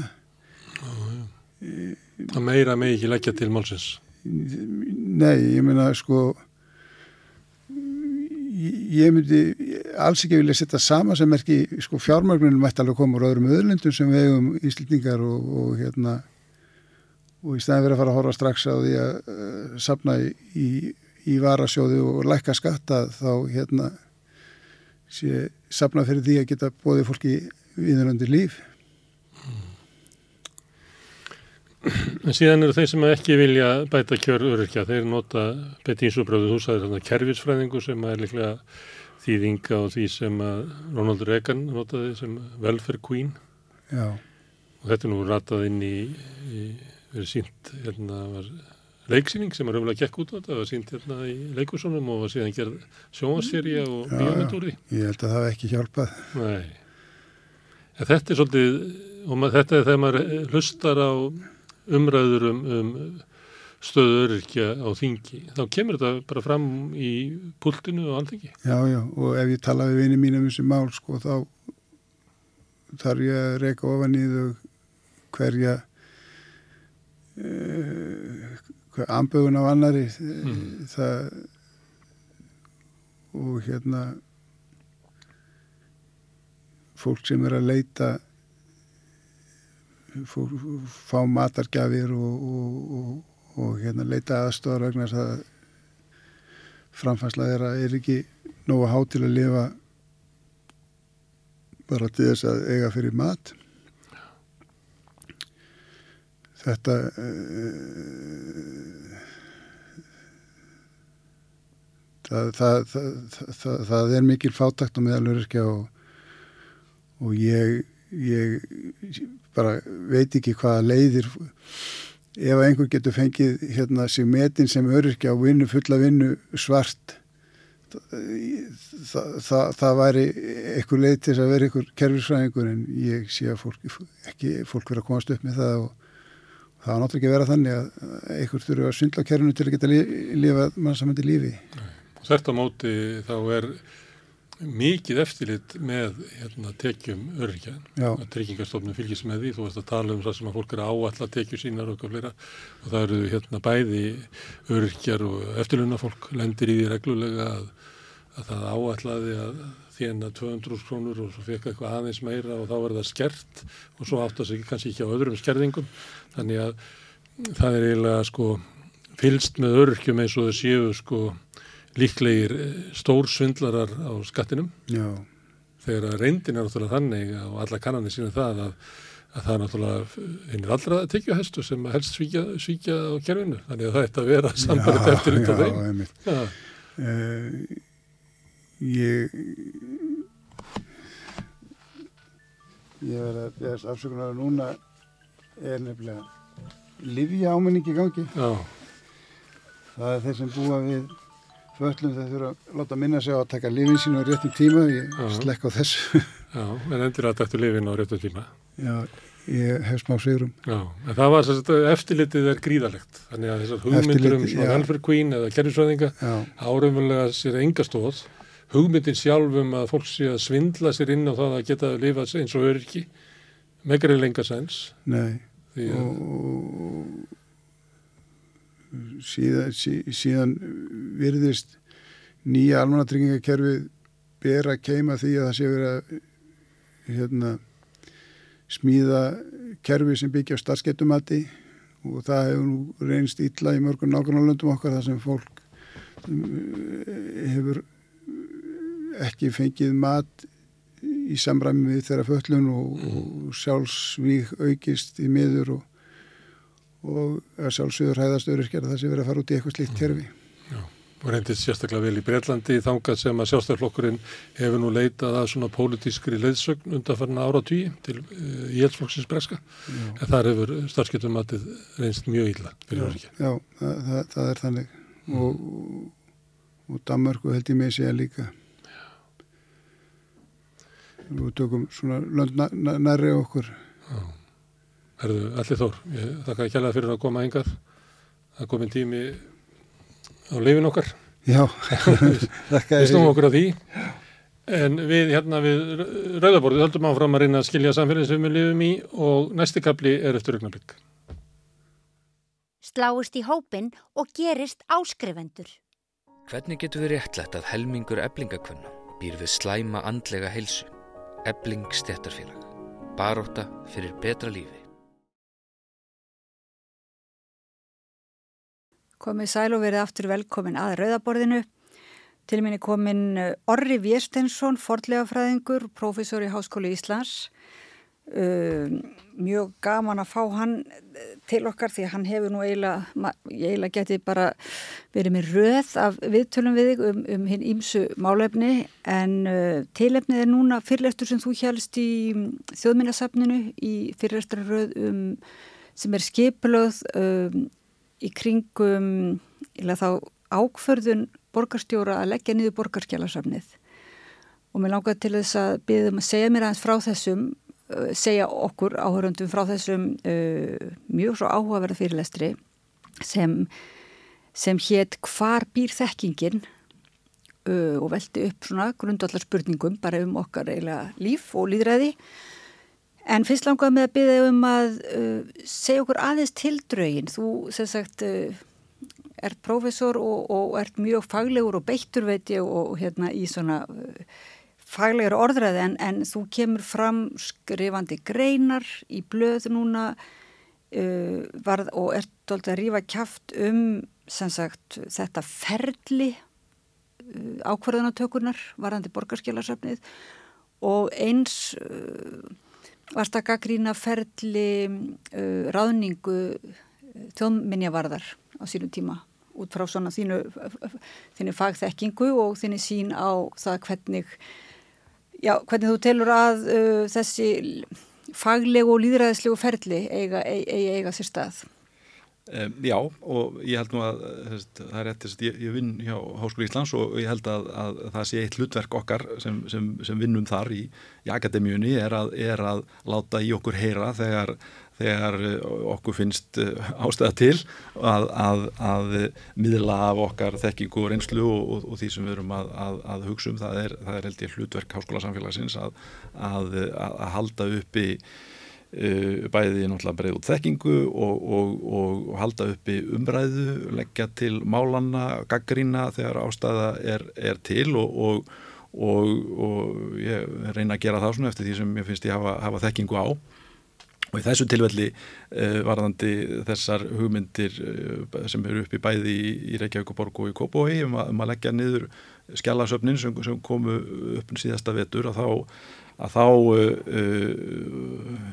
finnst mér mikil ástæði til þess að, til þess að, að vekja aðtikli á því að þarna er um, um grundvallar mál að, að ræða. Þetta er ekki bara einhver svona tilfærsla í einhverju stjórnsýslu heldur, heldur eru, eru þarna bara bísna alvarleg mál í, í húfi og þetta hefur ekki alveg fengið nógu mikla aðtikli finnst mér og, og, og fleirum þarna uh, Sigurður Gilvi Magnússon sem hefur var að skipilegja þessa fyrirlegastar röð sem nefndir og, og fleiri. Við, við höfum verið að, að reyna að vekja aðtekli eh, á þessu. Og Uh, en ástæðan fyrir því að, að mér finnst ég hafa eitthvað vitað þessu er að ég sjálf sér vinna ekki mikið með, með skjöl allan ekki eins og þau sem eru skeimt á, á, á þessum hér að skjala söfnum ég er sett forlega fræðingur og, og, og við forlega fræðingar við vinnum við það að, að grafa upp forlegar og uppgröftur er, er rannsóknar aðferð sem felur í sig að við erum úrlega eidileggjum sönnunargögnin, getum við sagt, þegar, þegar við gröfum þau upp þar sem við tökum þau úr, úr finnum einhvern grip að, að, að þá, þá tökum við hann úr því samhengi sem hann, sem hann býr í og, og, og það, er, það er aldrei mókum moldin í burtu og, og hún er þá ekki meir og það er búið að taka taka eh, gripin úr því, úr því samingi og hann endar á einhverju, einhverju, einhverju sapni og, og þessar upplýsingar, upplýsingarnar um hvaða, hvaðan hann kom eru líkil atriði til þess að skilja gripin, þannig að þær þurfa að fylgja. Mm. þannig að, þannig að uh, fólk heldur kannski að forlega fræðinga séu bara alltaf eitthvað að handfjalla einhverja, einhverja, einhverja gripi og þeir gera það náttúrulega. En, en uh, í raun og veru fyrir mjög stór hluti á, á okkar starfi í, að, í skjalaföslu í, í, í að halda utanum skjölin heimildirnar um það hvaðan þessi hlutir, hlutir koma mm. hann út af þessu sem ég hef áhuga á, á, á þessu máli og tel mig skilja líka af hverju skjálasöfn eru mikilvæg af því að, af því að þar eru heimildirnar um, um okkur og, og það sem gerist í okkar, okkar samfélagi þar eru þær, þær, þær, þær gemdar Það þarf ekki aðeins að útskýra bara þetta, þetta orð skjálasöfn það er stundum, maður sér bara fyrir sér umverulega svona gullnaða bladabunga eða, en skjöl umverulega eru þetta, þetta eru bara gögg það eru gögg sem geta verið, geta verið hvernig, hvernig sem er, já þau eru oft gullnuð mm. og, og, og oft handskrifuð á pappir en, en geta líka verið velrutuð og þau geta auðvitað líka verið stafræn mm. og eru það í vaksandi mæli uh, og, en það skiptir umverulega einhver máli á hvaða formið þau eru að, að alltaf snýst þetta um það að bæði hvernig að, að, að, að það er alltaf einhver vandamál við að varveita þau uh, og, en ekki síst og, og það er það sem skjala varsla gengur út á er að bara vita hvar þau eru, hvaða upplýsingar þau geima og, og hvernig á að finna þessar upplýsingar. Og það er kannski uh, stóra máli að því þetta er, þetta er flóki mál, það, það er uh, og í okkar samfélagi fer nú alveg bara gríðarleg gríðarlega vinna í að halda utanum alla þessa hluti. Uh, það er mjög almennt viðþorf að, að, að upplýsingar séu bara einhvern veginn allstaðar og, og það sé ekkert mála að finna þeir og, og, og þegar við sláum upp á einhverju á internetinu þá, þá fáum við gætna þá, þá hugmynd. Mm. að það sé þannig að allan að nóa af gögnunum. En, en, en uh, þegar við erum að leita að einhverju að þá, að þá og, og ef við finnum það að, að þá er það út af því að það er, það er, það er örglega bara fullt af fólki og eða mjög miklu tíma í að, að, að greiða leið okkar að að gögnunum sem við erum að, að leita Þannig að raunverulega það er ákveðin, já, svona ránkhugmyndi eða draum, draumsín að, að þekkingin búa á einhverjum einum staði, einhverju hofi sem við höfum aðgangað rafrænt eða... Já, þessi, hún, hún, þekkingin er raunverulega ekki, ekki sko gulnuðu papirarnir sjálfur, heldur þekkingin um að þessi gulnuðu papirar séu til mm. og hvað stendur í þeim. Og eins og segir, leiðin, slóðin og þá aðgangurinn til þess að auðvelda fólki að öllum almenningi að, að, að fá aðgang að þessum gögnum og öllum þeim sem að eh, þurfa að rannsaka eitt eða annað. Já, já og, og það eru sérfræðingar sem, mm. sem, sem, uh, vinna við þetta, fólki sem vinnur á skjálasöfnunum mm. eru sérfræðingar í, í því að, að set, vita hvaða skjöl eru til og hvað stendur í þeim og, og hvernig á að finna þau þegar fólk þarf á þeim að halda og, og, uh, og skjálasöfni eru reyndar líka þannig að Eh, það, það er ekkit endilega sko stöðugur ströymur af, af notendum sem, sem eh, koma inn á þau, það er raunverulega ekki tilgangur þeirra þó þau reyndar sinni gestum mjög vel, allir sem hafa komið á borgarskjálasafni til dæmis vita það að þar, þar fá þeir frábæra þjónustu mm. en, en e, e, það er í raun og veru ekki kannski sko starfseminn gengur ekki út á það að, að, að, að það er alltaf að vera að sinna þessari þjónustu heldur bara að það skiptir bara gríðarlega miklu máli og þá komum við að þessum í líðræðið mm. Að að, að, upplýsingarna séu til mm. og, og, uh, og, og það, það er gríðalegt aðhald fyrir stjórnmálamennina okkar að, að vita að allt sem þeir gera, allt sem þeir, allt sem þeir ákveða sem hefur áhrif á, á, á líf líf borgarana að það er skjálfest mm. og, og það er ekki bara skjálfest uh, til nokkara ára heldur bara einlega til eiliðar mm -hmm. og, og Uh, og, og, og þetta er set, hitt aðhaldið í líraðiskerfinu fyrst aðhaldið er auðvitað bara kostningar það eru, það er kosið á, á, á fjóra ára festi sem við gerum það hér. Og, uh, og þetta, þetta finnst fólki vera aðal aðhaldið en, en þetta með, með að, að upplýsingarnar lifa mm. að, að, og eru aðgengilegar og þurfa að vera það að það er, það er hitt aðhaldið. Og þetta skiptir alveg, alveg gríðarlega mjög málugur ástæðan fyrir til þess að líðræði virka svona nokkurt veginn, getum við satt í okkar, okkar nútíma samfélagi, en til þess að virkaði frekar illa á Gríkjum hérna í fornöld sko, því að þeir voru til þess ekki með þetta mm. að, hérna, að, að og, og, uh, og það er hægt að fara að dobbultjekka og það er hægt, það er hægt. Já, og, og bara um. möguleikin að það sé hægt mm. skiptir gríðarlega miklu máli þetta er kannski, þetta er í raun og verum að segja sko í fullkomlu líðræðisríki mm. þá þarf engin að fara á skjálasafnið af því, af því þá er allt fullkomið og þá þarf ekki að, að fara á aðtúa neitt en, þú talar um þetta mikilvægi tröst sem mitt bara þótt að við séum ekki alltaf að fara við að dobbultjekka allt og öll mm. skjöl mm. þá, þá lifum við í því trösti í líðræðisríki að uh, þessum gögnum mikilvæg skjölum sé haldið til að haga Já. og þar er komið að gaggrinni þinni á þá þetta uh, matsferli eða þessa skýrslu sem er framkvæmt af fyrirtæki sem heitir KGMB er ekki?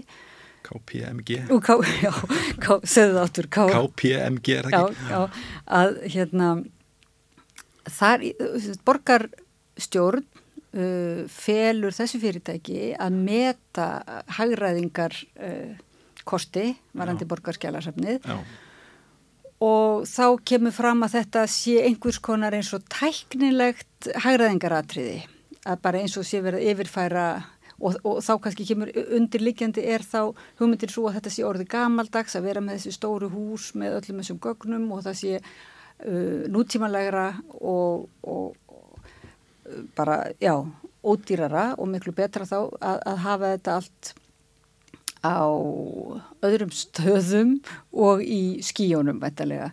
Já, ég held að ég, nú, nú, nú kannski er þetta að gera fólki upp hugmyndir að þetta kemur að satt að segja ekkert mjög mikið skýrt fram í þessari, þessari skýslu eða í þeim, þeim fátaklegu gögnum sem eru með þessar ákvörðun hjá, hjá borgarstjórnur en það sama á við í Kópavogi en, en, en, en já, maður tilfinningin er svo sko að, að, að, að þeir, sem, þeir sem skrifa skýsluna, þeim, þeim finnist þetta að vera já, bara svona teknilegt úrlausnarefni þetta snúist bara um það á hvaða að finna plás fyrir hillurnar mm -hmm. og kassana mm -hmm. og, og, og, og það geti sjálfur sér kannski bara hver sem er gert það og það er það, er það sem er kannski uh, vekur manni áhyggjur að, að, að, að það er, það er mjög grunngreining á, á, á þessari, þessari starfsemi.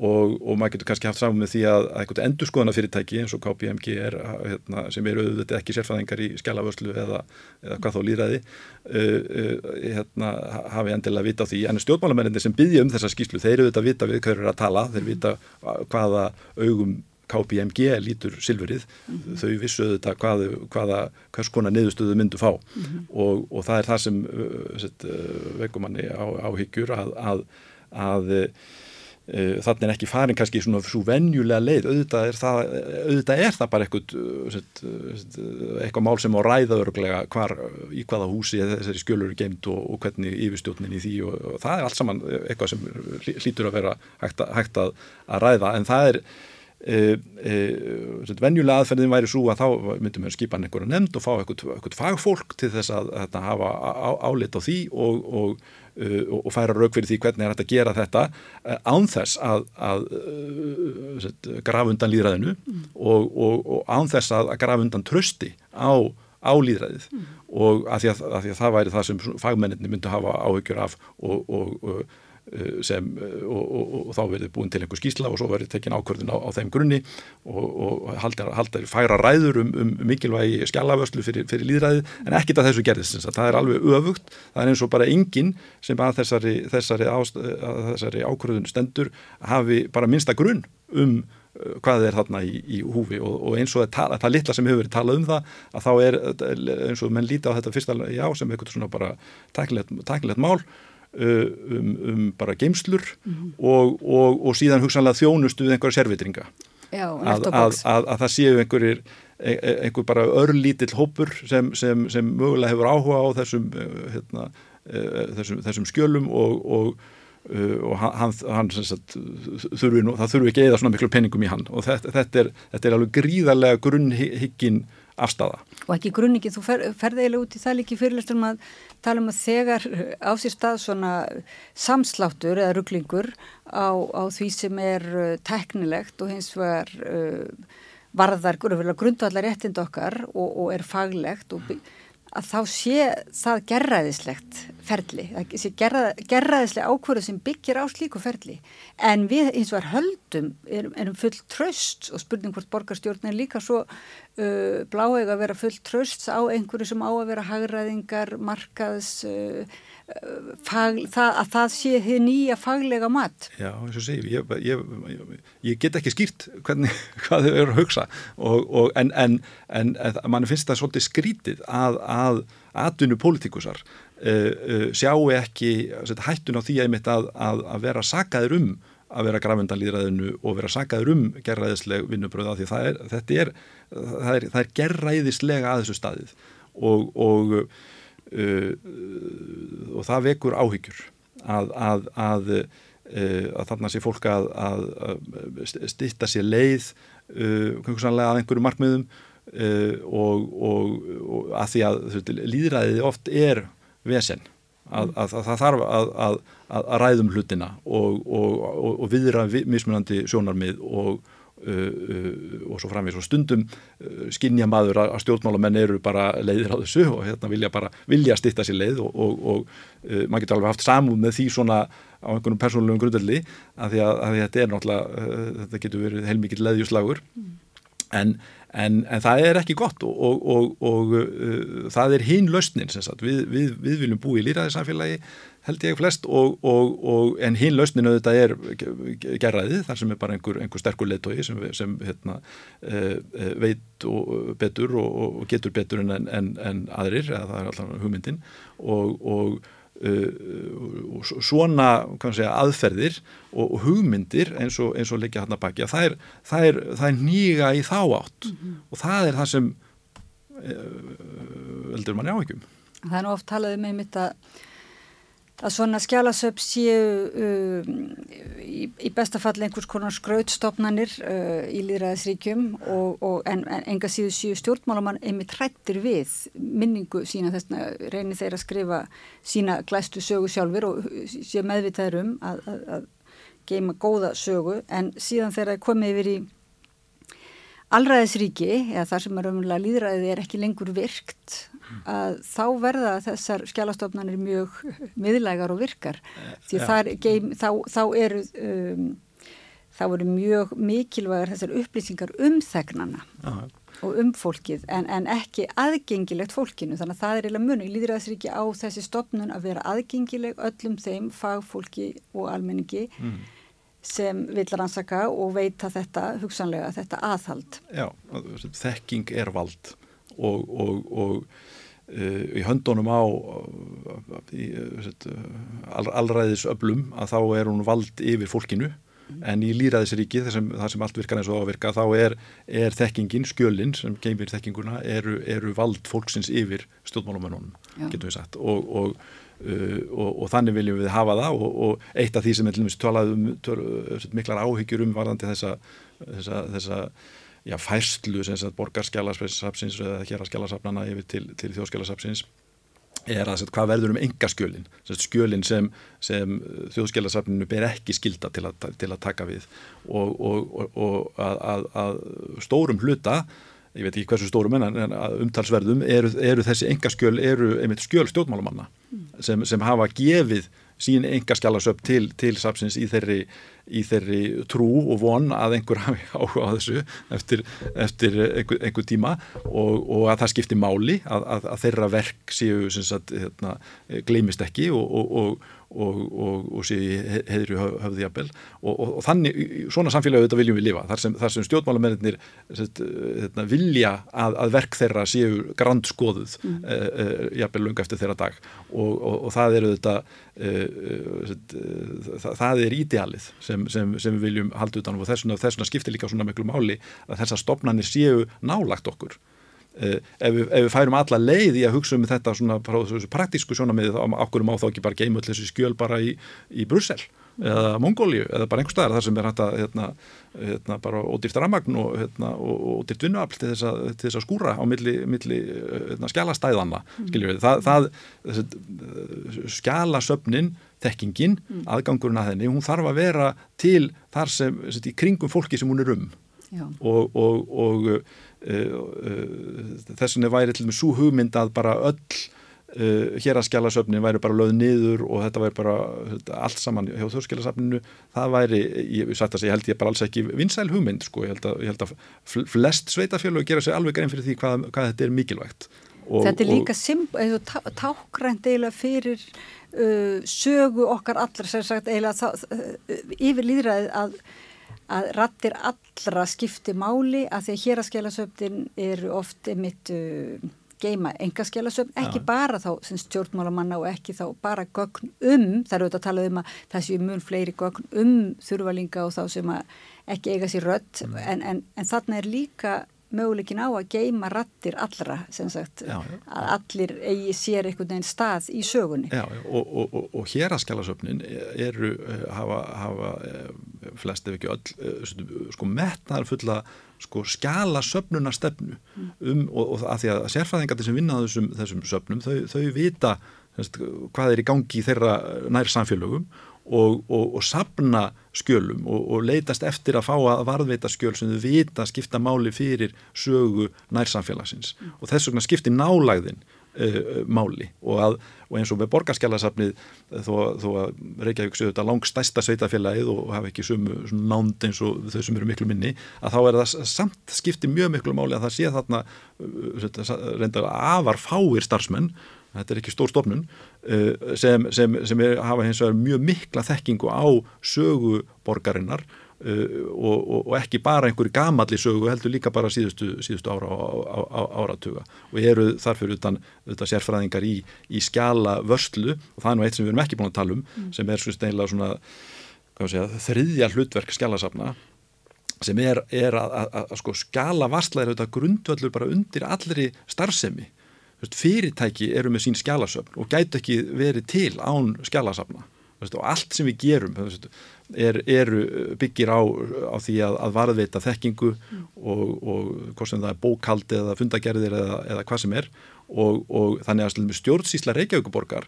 það, það er verið að skjóta hann í fótinn mm. með því að, að ætla sér bara að, að færa skjálasafnið í hendurnar á einhverjum, einhverjum öðrum. Það þýðir að þekking um það hvað hvaða ákvæðanir hefur verið teknar inn á borgarkerfisins, það er verið bara erfiðar að nálgast, nálgast líka þekkingu. Þannig að það er allir mjög sér algjörlega óskilinlegt þó, þó við höfum engar ágjör á líðræðinu að, að, að, að þá er þá frá, frá stjórnsýslulugu sjónamiði það er þetta bara algjört glabræði Bara, já, við skorum á borgarstjórn og borgarstjóri að vilja koma í, í, í spjall við okkur og útskýra fórsetur þessar ákverðunar og, og hérna og svo hefur nú verið talað svolítið um það á síðustu missurum sko verið að rannsaka möguleikunum því að ég vil að fólk getur skipt um skoðun og það sé hægt að, að hérna hlusta á uh, rattir, reynslurattir og fagrattir uh, og, og taka slíkar ákvarðanir, endur skoða slíkar ákvarðanir.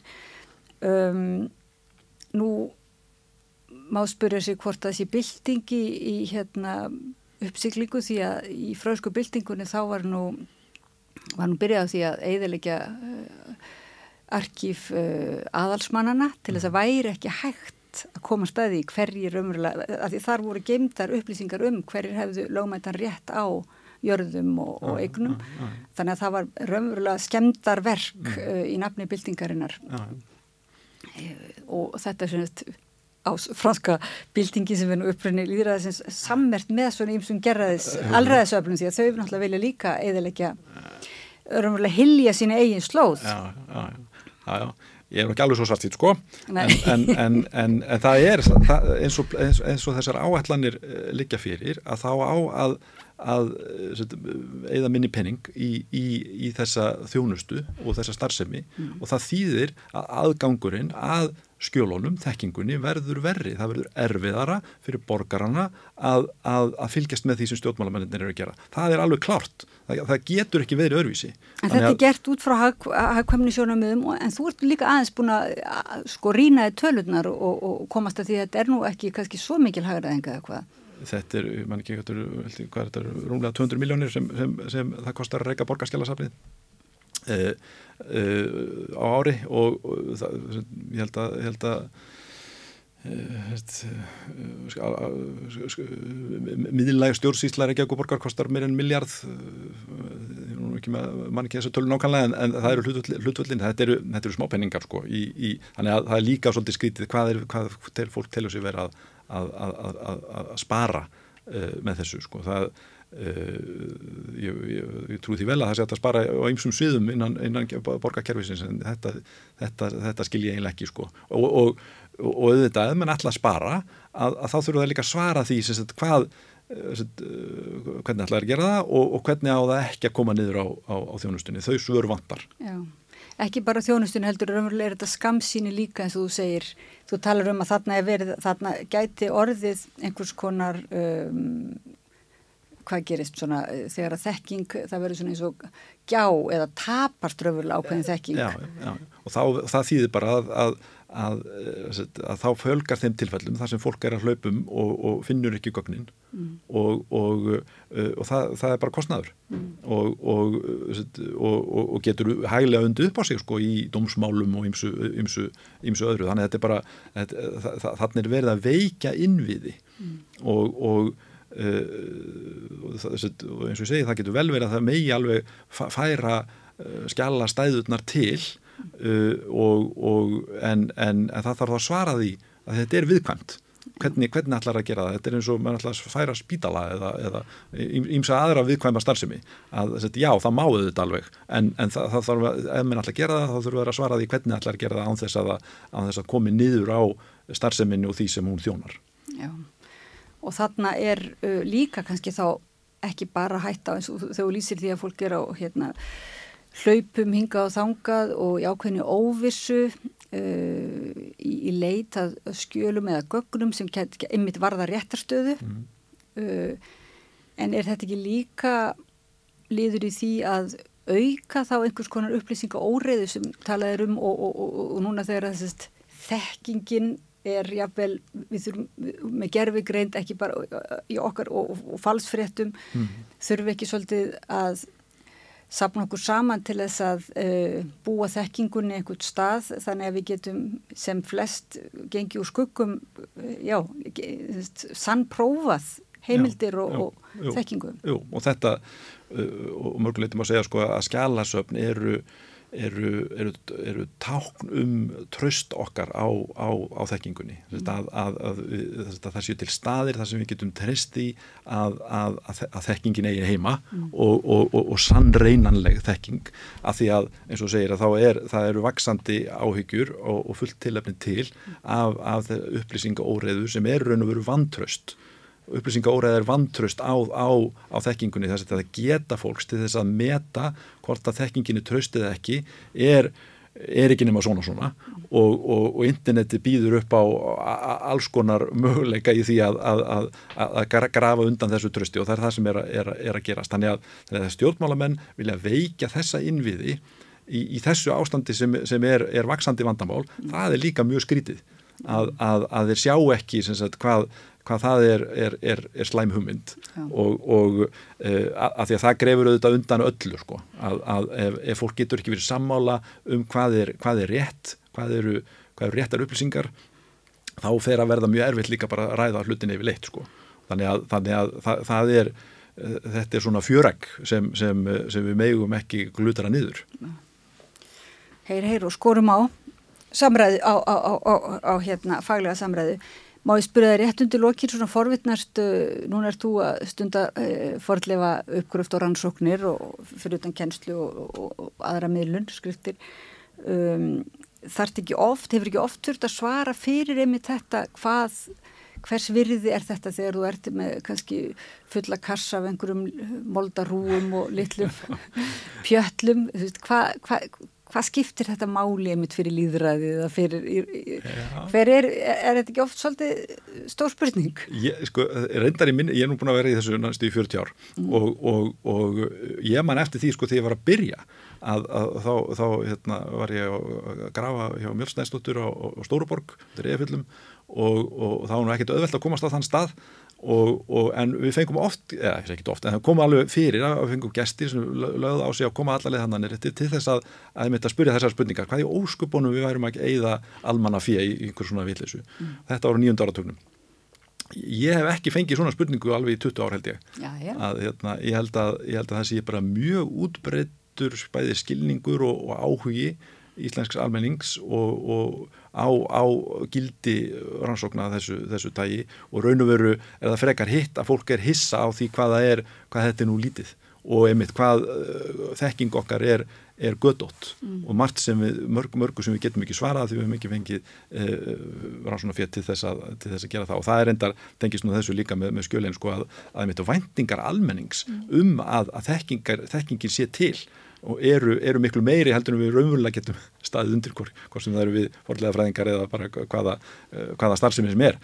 Og, og Uh, og sumuleiti er það alveg frábært að það skulle vera þannig en, en þess vegna megum við haldur alls ekki hérna, breyðast því, því tröst og þeim væntingum. Nei og líka þetta að, að, að þið eru að grafa og þið eru að rannsaka en síðan er þetta uh, stór mál að miðla því líka já, og, já, já. Og, og, og skapa samræði og búa til, er það ekki breyta? Jú, jú og það er endar einn ein, akkilisar hellin, hvort að undan einhverju hérna, mm. þá, þá er það það sem vantar í, í, í innviði íslenska forlegaðfræði er að það er svona, svona hlutvarslega auðvelt að fá peninga til þess að grafa hlutina upp mm. en það er mjög erfitt að fá, fá nægt fyrir til þess að vinna úr þeim og, og, og skrifa skýslutan og bækurnar sem þurfa, þurfa að koma út af að miðla, miðla niðurstöðunum. Og, og e, e, þetta er, er alþjóðilegt vandamál. En, en, en eru þetta fáránlegt sagt, að, að, að, að það sé verið að eigða pening í sé, fyrsta partin en ekki, mm. en ekki að klára, klára dæmið. Þetta nú vísu Þetta fyrir bara þekking í súgin raunverulega Já, er, en, en þetta líka lýsir einhverju viðþorfið til þekkingar sko, að Uh, um leiðið að búið að setja einhvern kassa og einhverja einhver hillu einhver staðar mm -hmm. að þá sé það bara komið en, en en, en í raun og veru er, er, virkast ekki þekkingin fyrir en það er eitthvað, það er búið að, að, að einhver veitum hana og, og getur miðlaðinni. Já, og einhver lærir af henni. Já, En minnir þetta ekki helst bara á þegar að koma stór eldkurs og leggst aska yfir hérna einhver torfbær sem er fullur af semst, þekkingu og, mm. og, og erum við, erum við nokkuð, já við erum að grafa okkur út úr einhverju, við erum alltaf að grafa okkur út úr einhverju ösku haug. Jú, jú, auðvitað má segja að, að, að líka hérna, að set, þekkingin fyrnist og, og hlutir gleymast mm. og, og það er líka gangu lífsins að, að, að e, e, og e, ég sjálfur sér ég ekkert við því að gera og, og, og kannski bara allt í lagi. En, en, en, en til þess við, við, þurfum, við viljum samt hafa aðganga þeirri þekkingu sem við, við teljum nöðsynlega til þess að geta tekið ákvarðanir um, í okkar samfélagi. Og það og væri aðskilegt auðvitað að þeir sem taka ákvarðanir leiti til þeirra sem hafa eitthvað um málið að segja uh, en ekki kannski bara til einhver útfista vandanum til einhverja sem sagt svona teknilegra endurskoðanda fyrirtækja. Já, já, ég held að, ég held að hérna, eh, það, það, það, en sko ég held að þú ætti að vísa í þetta með, með KPMG þarna sko þá held ég að, að, að eh, ég held að stjórnmálamenninni þarna vita auðvitað alveg hvað þau eru að gera sko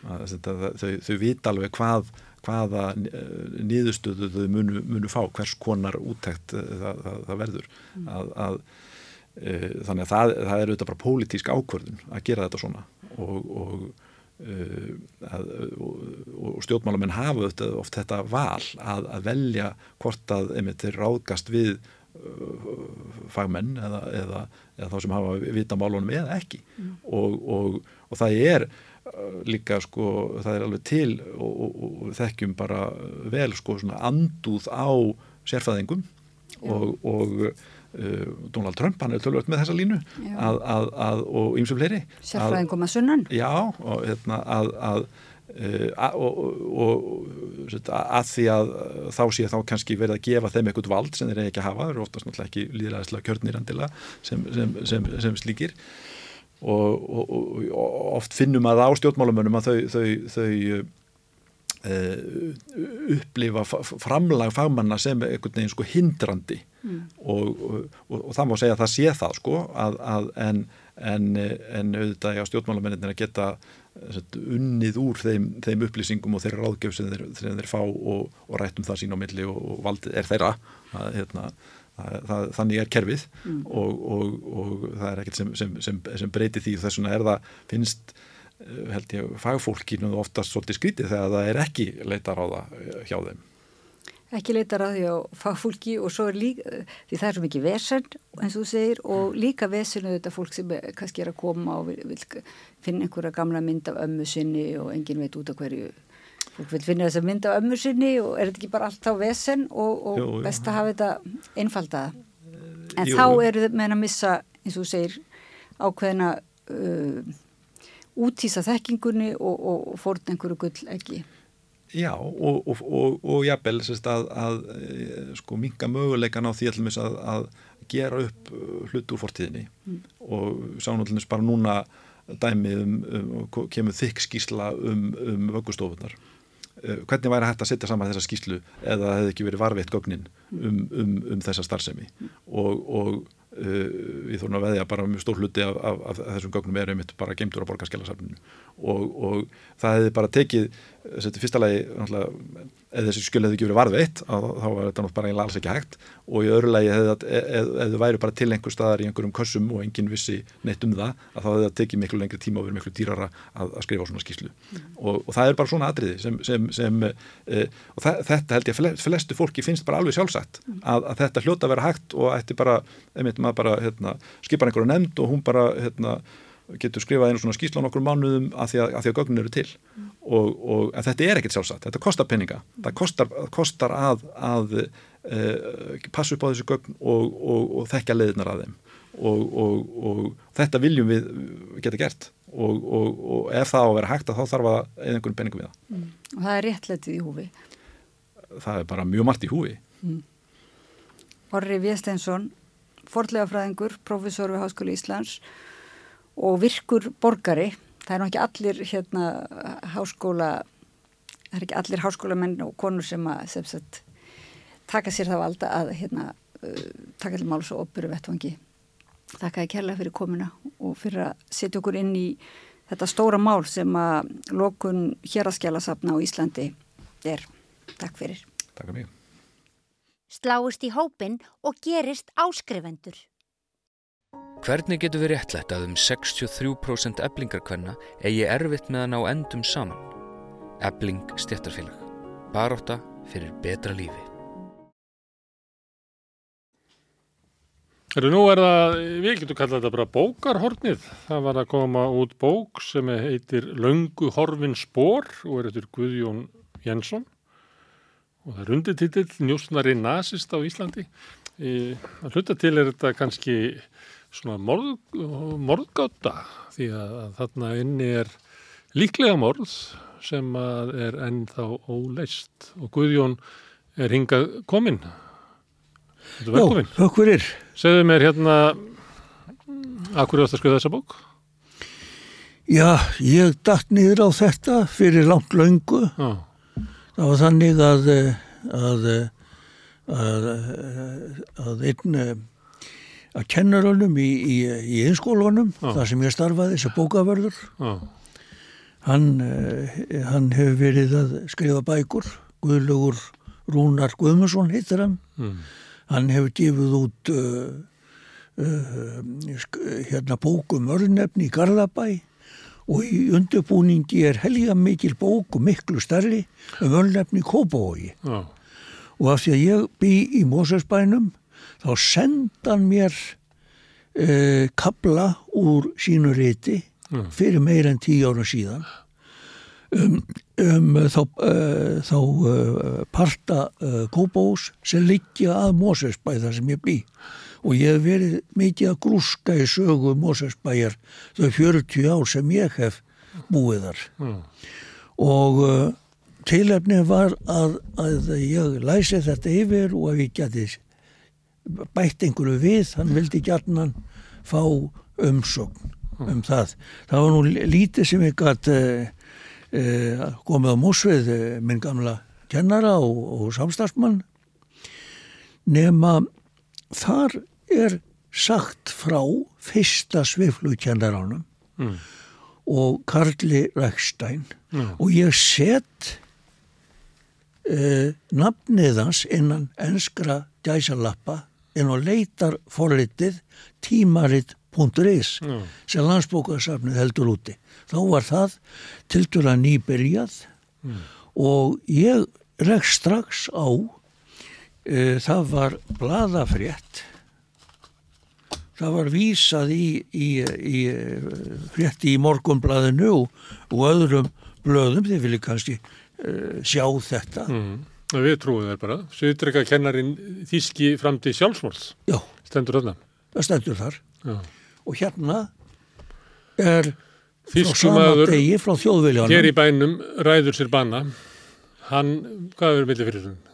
Nei, undir fyrir hún hann hafði verið kallaður heim til Þísklands Já, og það, er kenning þjóðviljans að, að sko, hann var orðið svo ílla við að vera kallaður heim til Þísklands stuttu áður stríði hefst hann hefði tekið sér degi líf. Sko, málið var Já. að nafnið hans bendi til að hann hafi verið geðingur allir þessi steinar.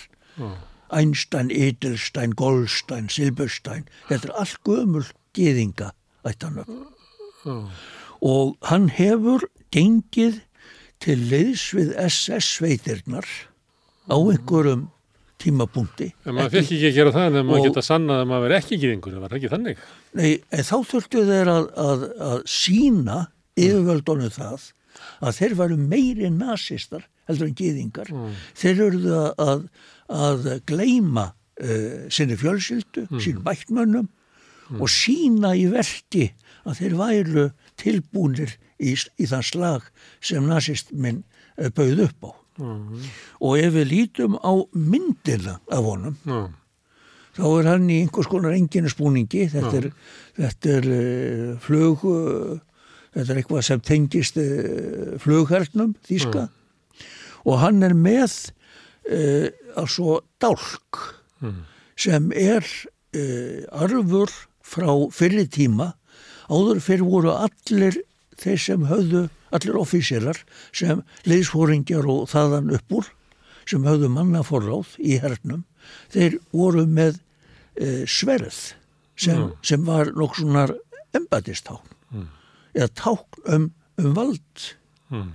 og, og hann ber það greinilega í, þarna á, á, í sínum enginn spúningi mm. og hvað er þjóðvergi að gera hérna þýskunarsisti mm. SS maður meira sig að gera á Íslandi Já. hann er að auðvitað sendur hinga til njósna og hvað er og, hver, og hver var uh, hugmyndin að njósna á Íslandi það var um þetta leiti þá var þíska utalíkis þjónustan mm. das ásvertiki amt eins og það heitir ennþandag í dag mm. þíska utalíkis þjónustan innan hennar voru mjög margir mjög velmentaðir diplomatar um allan heim. Og þeir voru meðvitaður um það að mannréttendi og líðræði eru einna einir mikilvægustu hotsteinum líðræði, eða svo, svo samfélagsins. Og ef þessu er ítt til hliðar þá endar samfélagið fyrir það síðar inn í einhverjum erfiðum blindgötum og, og, og, það, og það er ekki oft það er ekki alltaf Nei, betur var ekki Þískaland löngu komið inn í þá blindgötu þegar þetta Jú, gerist og þetta þetta, þetta, þetta, þetta uh, það var alltaf verið að þrengja meir og meira sko mm. það má segja það að, uh, að lögjáðavaldið það sé afnömið á, á næsta fundi eftir, eftir þingúsbrunnan mm. og þá kemur þingið einu sinni saman og það hefur það verkefni að fela nazistafloknum allræðisvald til þess að koma sér út úr þeim hremmingum sem, sem ferri, afleðingar fyrir heimstyrjaldarnar leittu yfir Þískaland. Mm. Að, að undagenginni þjóðuraldaka gríslu sem að, sem að að samþyktu eða ekki? Jú, jú, það var þessala samningarnir. Nei. En, eh, það er nú annar handleggur.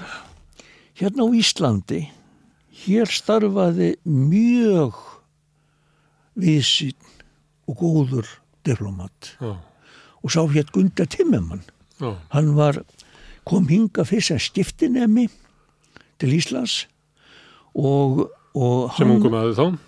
Og hann kom hérna rétt upp úr 1930 mm og vegna þess að hann var mjög uh, uh, svo góður að, að, að, að setja sig inn í íslensk málefni mm. þá var hann og, og, og talaði íslensku að einhverju leiti, stildi íslensku þá var hann gerður að konsul 1934 um mitt ár. Já. og hann er konsul þjóðverja allra þjóðverja. Mm fram á, fram á voru 1939 og þá kemur þessi voðalegi eh, venni gælag mm. þá var hann sendur hingað. Mm. en, en Timmermann kallaður heim.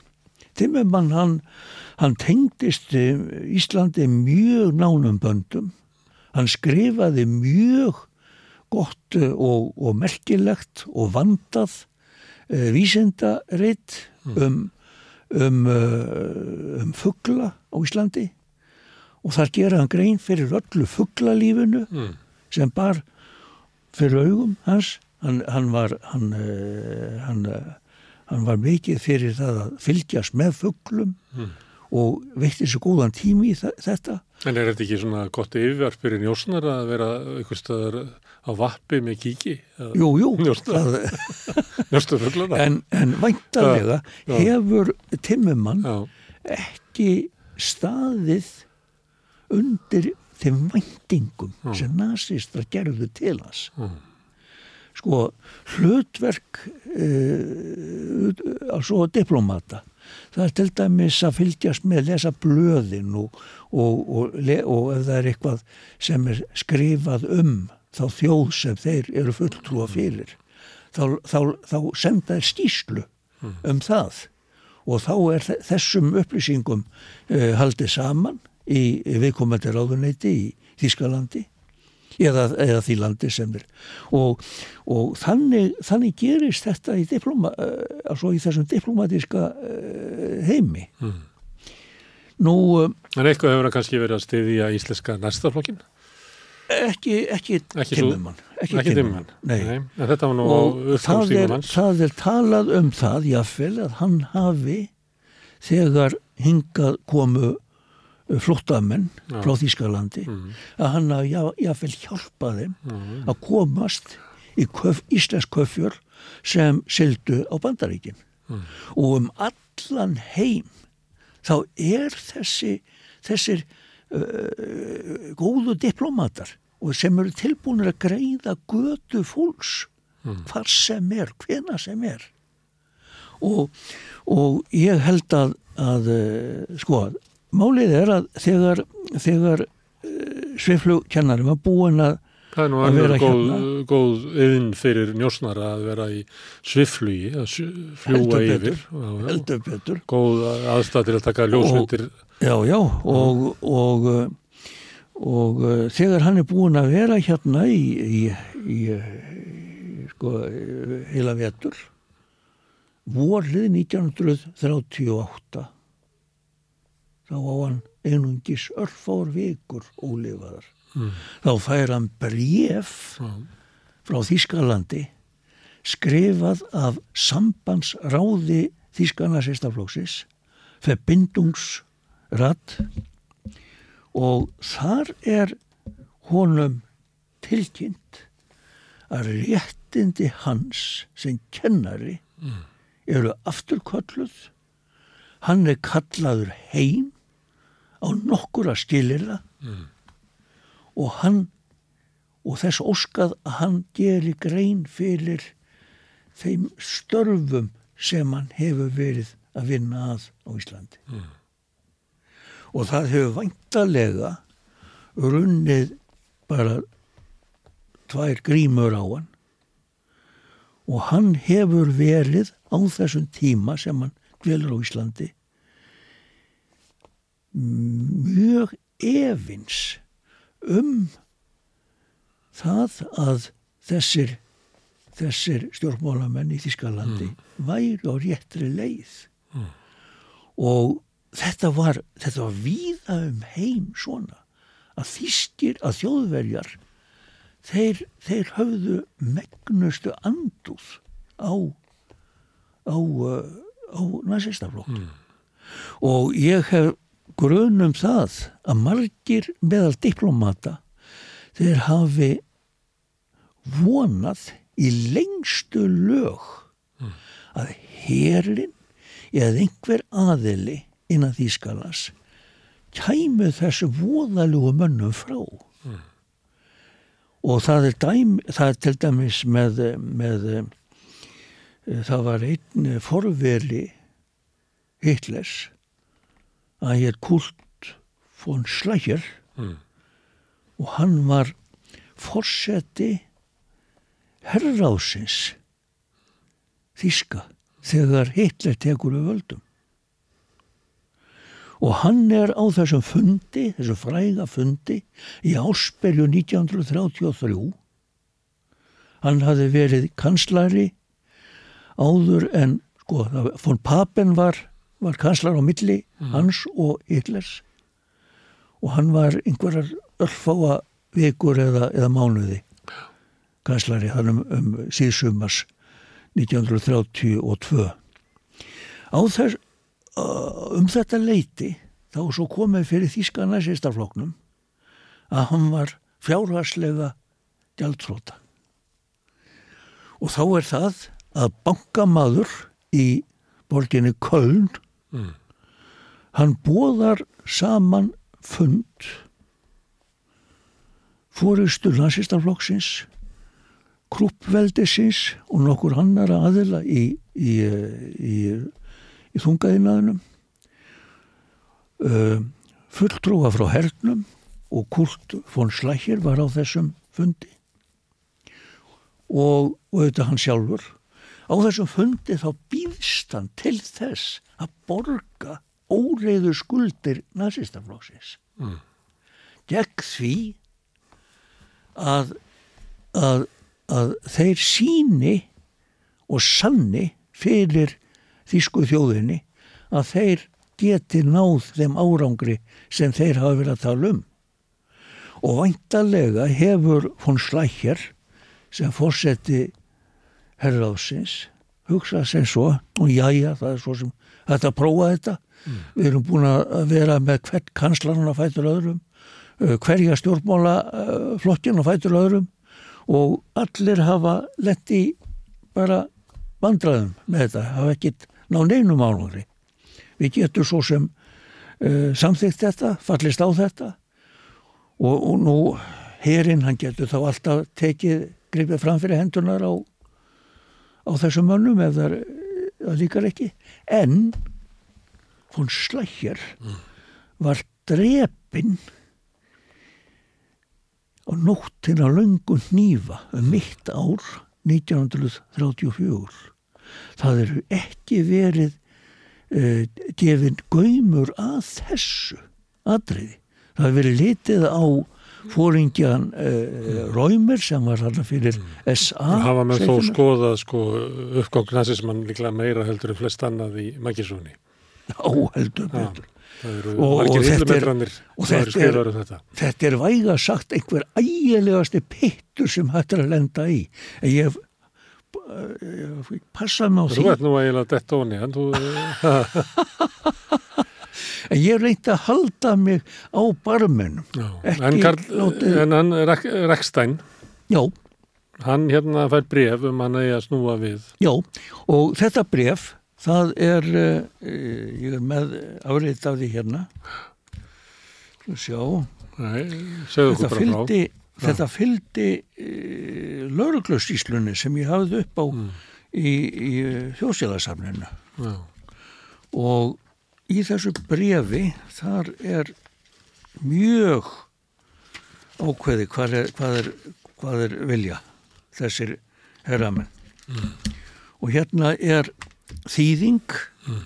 að vísu ekki eftir löggildan stjala þýðara en, en, en ég treysti að þýðingi sér rétt það er nefnilega kona mín, hún kemur á Þískalandi mm. með telvísun á brefið yðar 25. janúar 1938 tilkynnum við yður að korpsfúrer við eigum ekkert ekkert orði við þetta á íslensku mm. en þetta er eiginlega sko korps, þetta er herdeld eða Sveitarfóringi, getið þið? Gæti verið, Já. ég veit ekki alveg hvað, hversu hvar í verðingaröðinni hann þessi korpsfjörur hefur verið NFS NSFK það er, það er hérna eitthvað sambandsráð uh, við, við, við nazistaflokkin getur ekki mælt með staðfestingu á starfsemi yðar á sveiflugi í útlöndum Sjálflega vegna þess á sínum tíma var að draga tilbaka viðurkenninguna á flugkennararéttindunum. Við höfum gert málamiðlun með hagspunum íslenska sveiflug áhuga manna að leiðalósi þannig að við leiðum yður að vera virkur í flugtjenslu fram á daginn í dag. En núna verðum við að byggja yður að koma strax tilbaka til Þískalas og gefa okkur skýslu um starfsemi yðar á Íslandi. Mm. Þetta er mjög skýr og þarna er hótun á bakvið þessum orðum. Og heldur að hann hefði ekki vilja að fara snúa? Ég held að hann hafi, sko, það sem ég notaði í, sem heimildir við rítu þessa sjó, það voru dagblöðin frá þessum tíma. Mm. Í dagblöðunum er alveg gríðarlega miklar upplýsingar og ég var bara bóstarlega að velja úr mm. og, og á gödum Reykjavíkur þar voru mjög uppöðslu samir nazistar. Mm. Þannig var til dæmis var um, kjötiðnaðmaður en uh, þeir voru nefndir slátrarar á þessum tíma. Mm. Hann hétt Artúr Hensing mm. og starfaði í kjötbúð Tómasar í kjallaranum á laugavegi 2. Hodnin og laugavegi og skólafurustík. Hodnin og laugavegi og skólafurustík. Akkurat. Og það eru margir sem muna eftir, eftir þessari kjötbúð. Mm. Nefna þessi hensing, mm.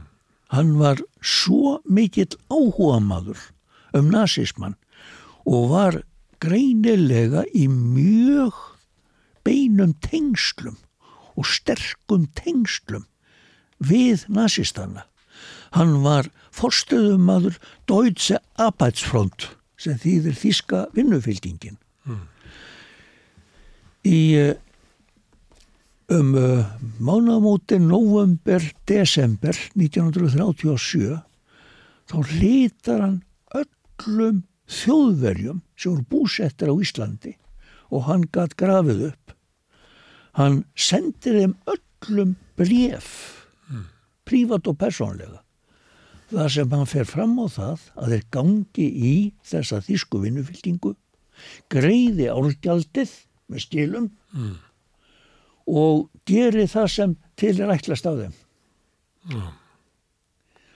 Þetta bref, það endar hjá þjóðviljónum. Mm. Á þjóðviljónum var ákæðlega ötull uh, bladamadur og ég hugsa að þetta sé bara meitna fyrstu rannsónabladamönnunum í Íslandi. Mm. Það hétt Henrik Ottosson.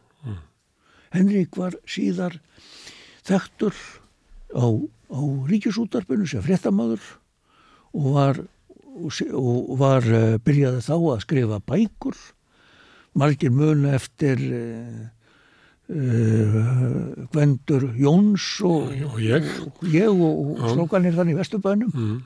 prakkar að sögulu Vesturbænum svo skrifar að líka tvær minningabækur frá frá hvað heitir það aftur hérna? Getur nú flettis upp. Það eru vopnagnýr og, og uh, að ég man ekki alveg en það var, svo var hinn bókin uh, frá hlýðarhúsum til Bjarmalans. Já. mjög þetta eru mjög skemmtilegar velæsilegar bækur sem segja frá frá störfum hans. En því meður þá hefur honum ekki ennst æfin að að að skrifa meira. Þetta eru mjög vel ritaðar bækur og, og þær ættu að vera bara skipa heiðursess hjá búkafólki mm. Hvað gerði hann við þetta bref sem að slátrarinn skrifaði? Uh, það var mm. í þóðulanum og ég er með hérna uh, ef við höfum áhuga fyrir að lesa ja. Hér segir í þjóðviljónum dægin eftir að, að Karl Rækstan finnst látin mm. í blóðu sínu yfirgangur og ósvipni nazista agentana þísku nazistin Artur Hensing kemur ofinbela fram sem fóringi nasjonalsocialistiska verkamannafloksis á Íslandi hvorki meira minna.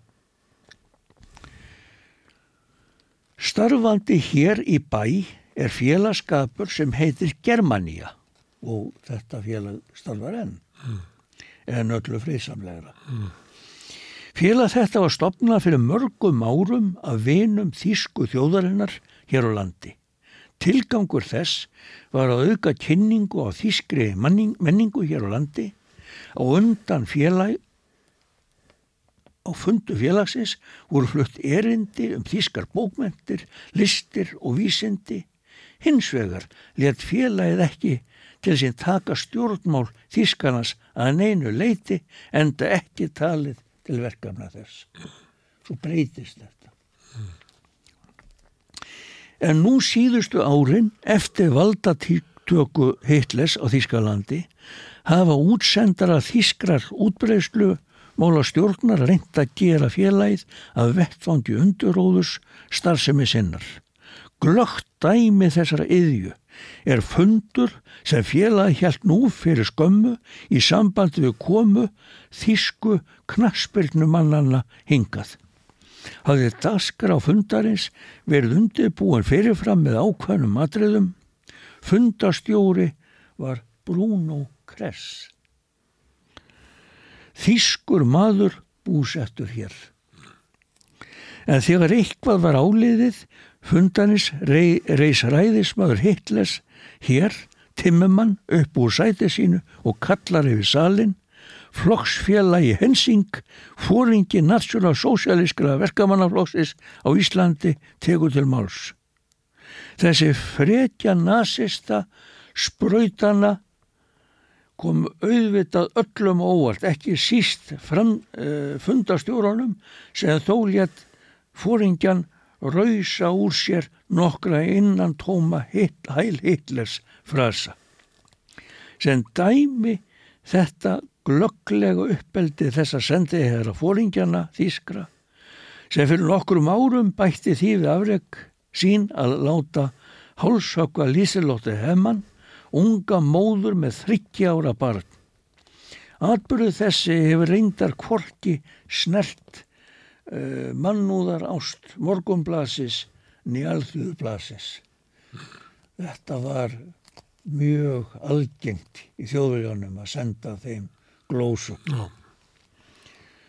Þjóðviljin vill nú enn beina þeirri fyrirspur til fósettisráð þeirra hvort honum sé kunnugt um starfsemi þessa þíska nasistaflokks hér og hvort það sé íslenskum lögum sangkvæmt að erlendri menn megi reka slíka skipul eða pólitíska starfsemi í þáu annara ríkja án þess að fyrirgera með því dvalar leifi sínu.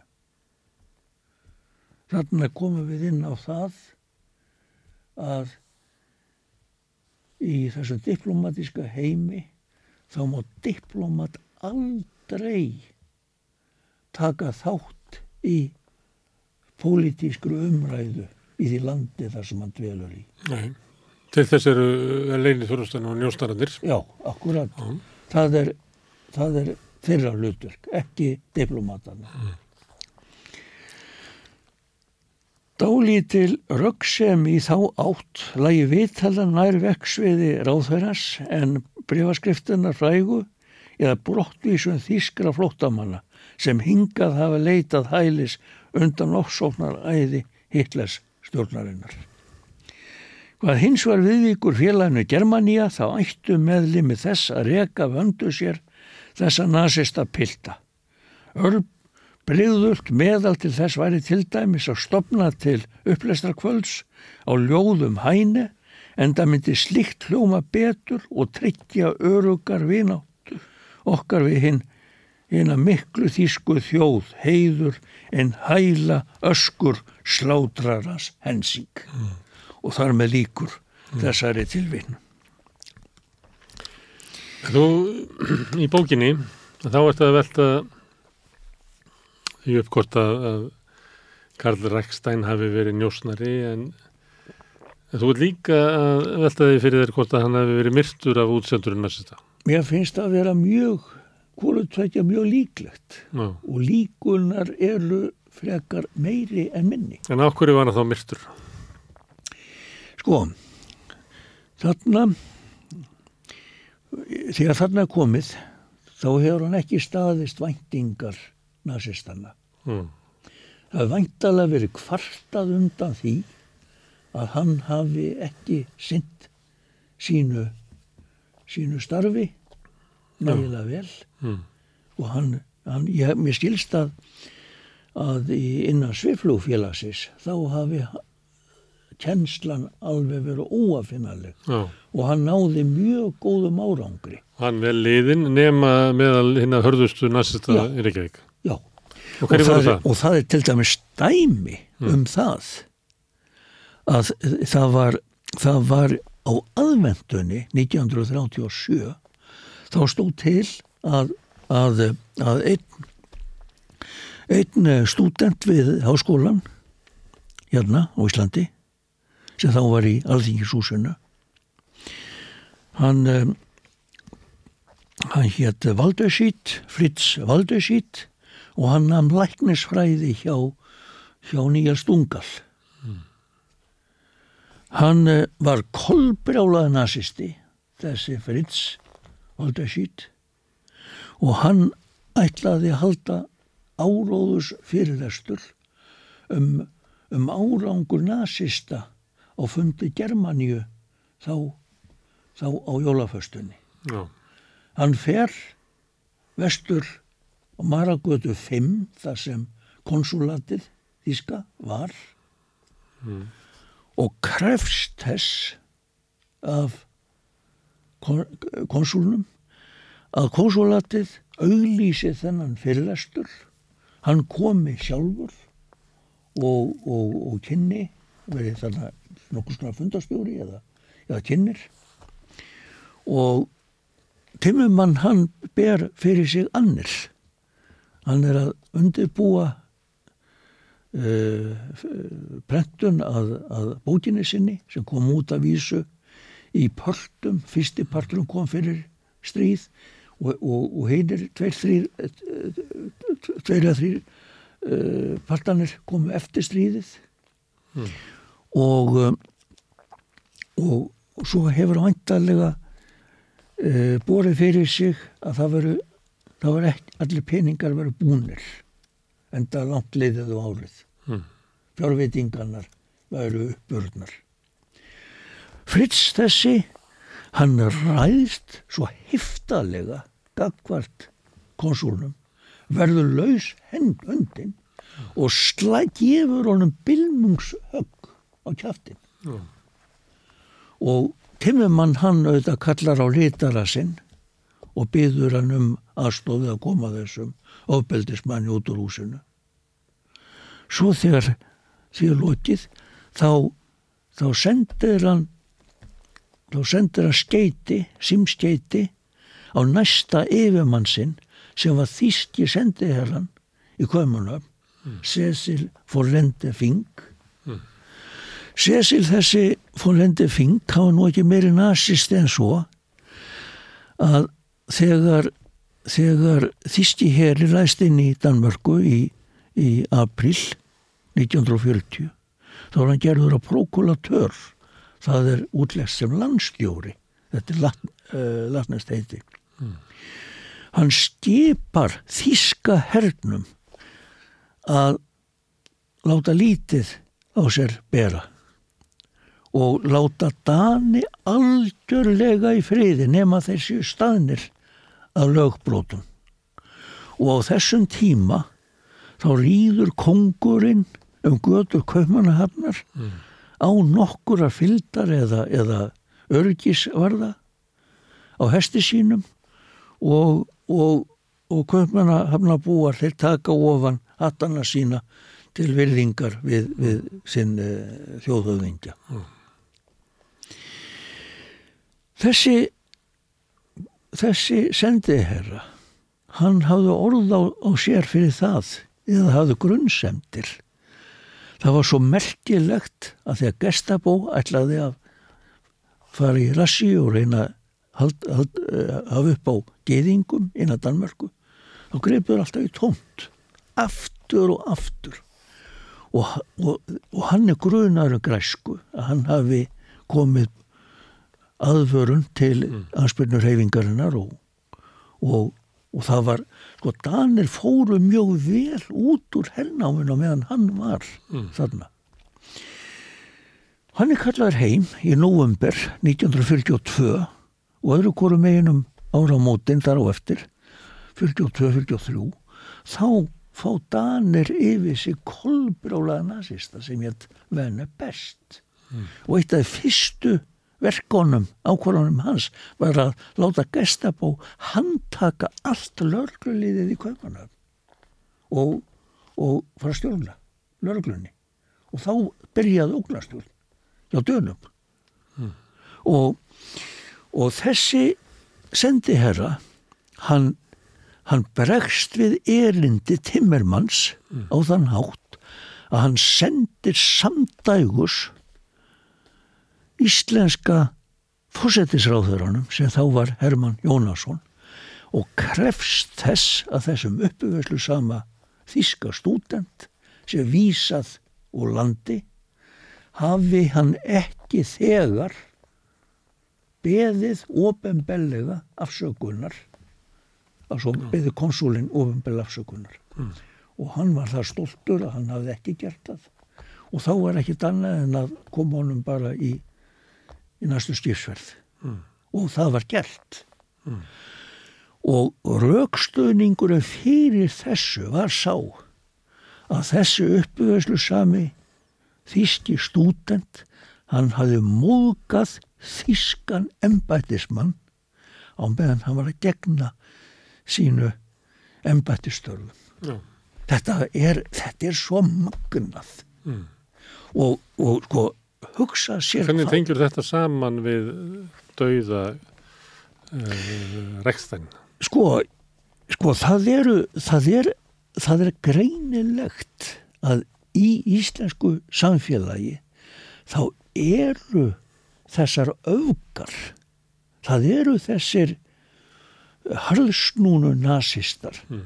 sem eru í samfélaginu ég, ég dreg einn það er einn kapli í þessari bók þar sem ég dreg upp uh, ástandið 1. mæ 1938 mm. þá voru þrjár kröfugöngur já það voru reyndar bara tvær kröfugöngur svo var svo var svo nokk svona hersýning hjá á vegum félag íslenskra þjóðurnesinna og, og það örðu hróp og köll á milli fylkinga mm. og, og, og e, þjóðurnesindanir þeir ætluðu alveg sko bara stela senunni þar að frá verkamönnunum rálunafólkinu mm. og ég byggi þetta allt á á bladalestri mm. En það að nú er í frettunum sagt hérna, að hann hafi uh, tekið sitt eigi líf. Já. Þú efastu það? Ég, ég lefði mér að efastu það og, og, og, og þá uh, vísa ég í lauruglustísluna. Ég hafði lauruglustísluna upp á henni. Uh, hún fannst að vísu ekki í, í stjálasafna lauruglunar Reykjavík á þessum tíma. Nei.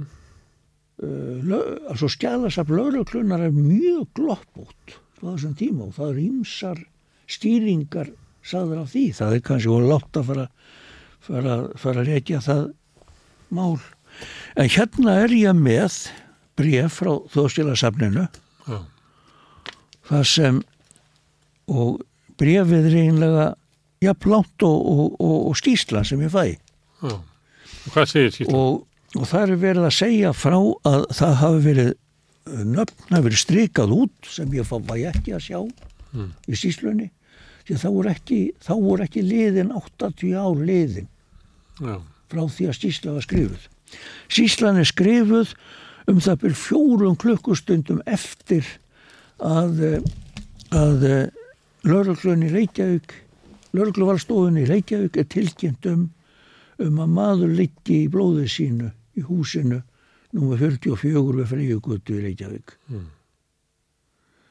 og skýslan hún er skrifuð án þess að fyrirliki dánavottorð og engin rannsókn hefur verið farið fram mm. á aðstæðum og segir þar að hann hafi tikið sér þegar þar, þar segir bara strax maðurinn fram til sjálfsmórð en akkur efast um það? Ég efast um það að því leytinu til á þessum tíma þá var þá voru mjög stífar fjárveitingar til, til all, alls frangvæntavalsis mm. og ef lauruglumadur taldi sig þurfa meiri tíma að rannsaka einhver mál þá var hann að fara til lauruglustjóra og byggja um skrifl, byggja um leifi mm. og það skriflega því að þá þurfti að fá auka fjárvitingu fyrir þessa klukkutíma sem þarna voru umfram. Það var, það var, það var svo nákvæmt. Mm. sko lörglumellinir þeir fengu þeir fengu fyrirfram greitt á, á, á launin sín og svo var vaktaskrá alveg upp á mínútu. Hvernig vaktaskráin var. Mm þannig að þeir eru að gera þetta kauplust og þeir hafa vantarlega verið svo annað fólk, launafólk það hefur menn hafa ekki viljað fórna sínum frístundum í, í, í hmm. En er eitthvað um það að aðrir en þú hafi efast um að þetta sé dannarósökin? Sko ég síndi ég hef síndi eh, nokkru júrist um þetta hmm. og, eh, og þeir þeim finnst þetta að vera ákala áhugavert hmm. og, eh, og það er og það er sko ég mér skilst að ef morðingi sem hefur sínt einbeittan vilja einbeittan brotavilja framkvæma eitthvað mm. hann, hann á svo auðvelt með að láta líta út eins og um sjálfsmórð verður ræða það eru ýmsar vísbendingar sem sé um þetta. Það eru, það eru þessi þísku bref það er, er skýslar lörglunar sem ég finnst vera í knappara lagi. Engin rannsók fer fram. En Henrik Ottosson hann segir hérna bara skýrum orðum um það í hérna í, í, í, í fossíðu grein ja. í þjóðvilannu 9. júli ja. 1988 og dægin eftir lát Karl Ræstæns mm. sem er lungu eftir að hann átti að vera búin að snúa hér, við heim til Þýskalands eða ekki? Hér segir menn mönu geta nokkur með gerðsir í hugalund hvað valdið hefur því á þjóðveri þessi greip til þessa ráðs að svifta sér lífunu brefið í fórum hans geymir, geymir vafalítið ráðninguna á því hvers vegna hann greip til þess ráðs. Er þúsundi landa hans hafa greipið til síðustu álinn og svo, svo heldur Henrik mm. áfram. Það verður þegar að rannsaka hverji það voru sem ráku þennan mann út í dauðan rannsaka hvort hann hefur verið kallaður heim að undilagi flugumanna þískra nazista hér er mest ofbeldi hafa beitt landa sína eins og til dæmis Artur Hensing. Þarna er hann að skrifa eins og að hann hafi verið hrakinn til sjálfsvíks frekar heldur en hann hafi verið myrtur. Já, það er, Já. sko þetta er opið þeir eh, kannski hafa leið eh, staðið yfir honum, mm. maður veit það ekki. En þannig að á þessari braut lendið þú að því að, að félagin baði að kanna eh, örnefni á mörgum Kópavóks og Mórsabæður. Já, ah. og ég, ég finn... Þannig ef að einhver vil ekki leggja í svona leiðangur að ef vinur hans byður hann um eitthvað svipað þá segja bara nei. kannski. þú er ekki hugsað það að það hefur verið snjallara fyrir það að segja bara nei. Þið hefur búin að vera lengi að þessu. Já, það var vistu það að fyrir átt árum Já. þetta leiti þá greinist ég með krabba mér og þetta reyndist mér ákaflega erfitt. Að sætta þið við krabba minnið að já, já. Ég, fór í, ég fór í allar þær meðferðir og fór bæði geysla meðferð og, og meðala meðferð mm og svo þegar það dugði ekki til þá var, þá var áðist á, á, á mein, meinsendina sjálfa. Með nýf já, já, ég, er, ég var skorun upp. Og það var tekið svona um það bylrúmur hálfur metri af reyslinum ég, ég er með stóma í dag. Mm. svo held ég að ég var nú laus allra að mála. Spyr læknin afbúra góða lækni. Mm Jórunni Alladóttur hvenar hún telja ég sé, komist, sé komin yfir þetta? Og hvenar ég geti orðið vinnufæl mm. um vorlið var ég búinn að ráða mig í sjö ringferðir um landið sem leysúmaður og ég held að ég hef aldrei verið ráðin í fleiri ferðir mm. en þetta sömar svo koma því þegar fóru nálgast vorið þá er ég kallaður í rannsó sem oftar og þá er mér sagt þá er mér tjáð við verðum því meður að, að tilkynna þér mm. að, að krabba meinið það er ekki við erum ekki búin að komast til krabba meinið þú voru að fara í gangast undir eftirleifja meðferð mm.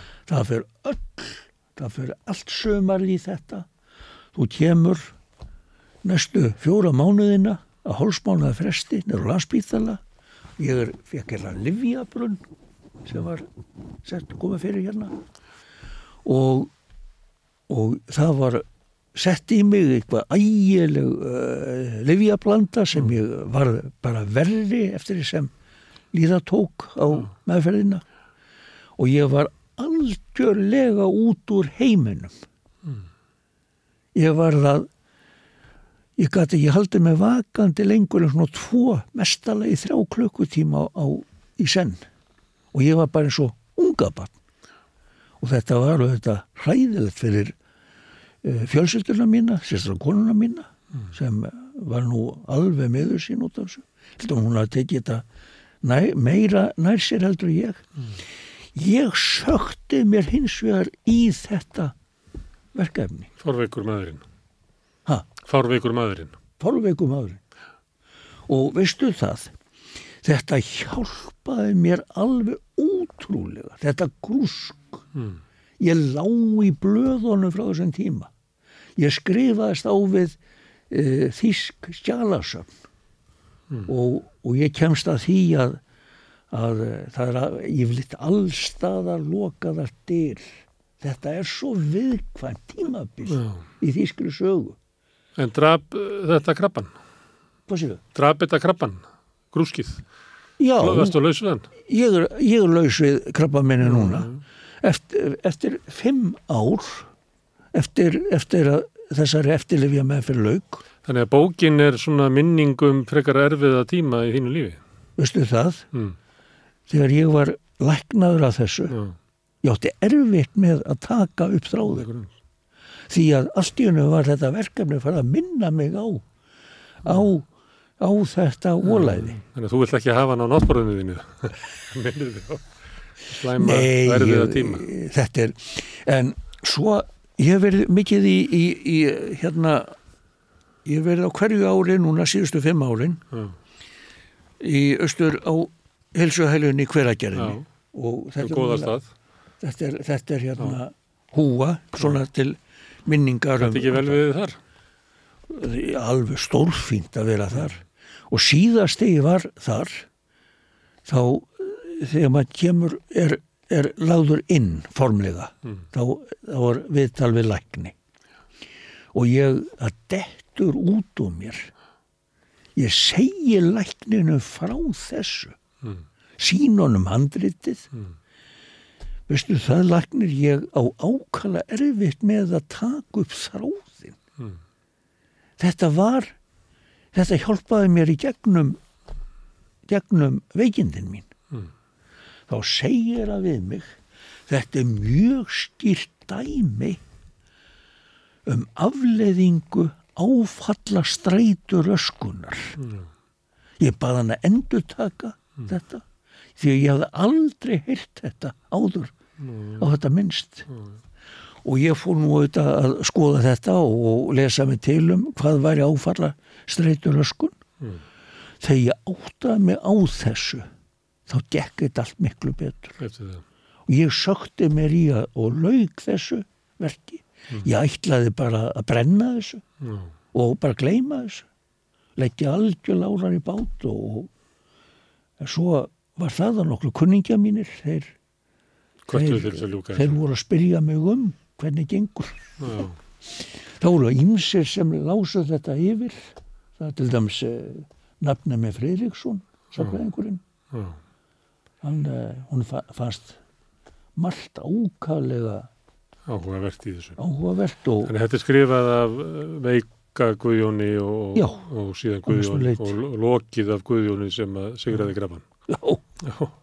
Þetta er, skri, þetta, er hérna... skrifað, þetta er skrifað mestuleiti í, í, í, í hérna í Mósersveitinni, Mósersbænum og einnig strykveragerði á hilsuælunu og svo eitthvað smáveis í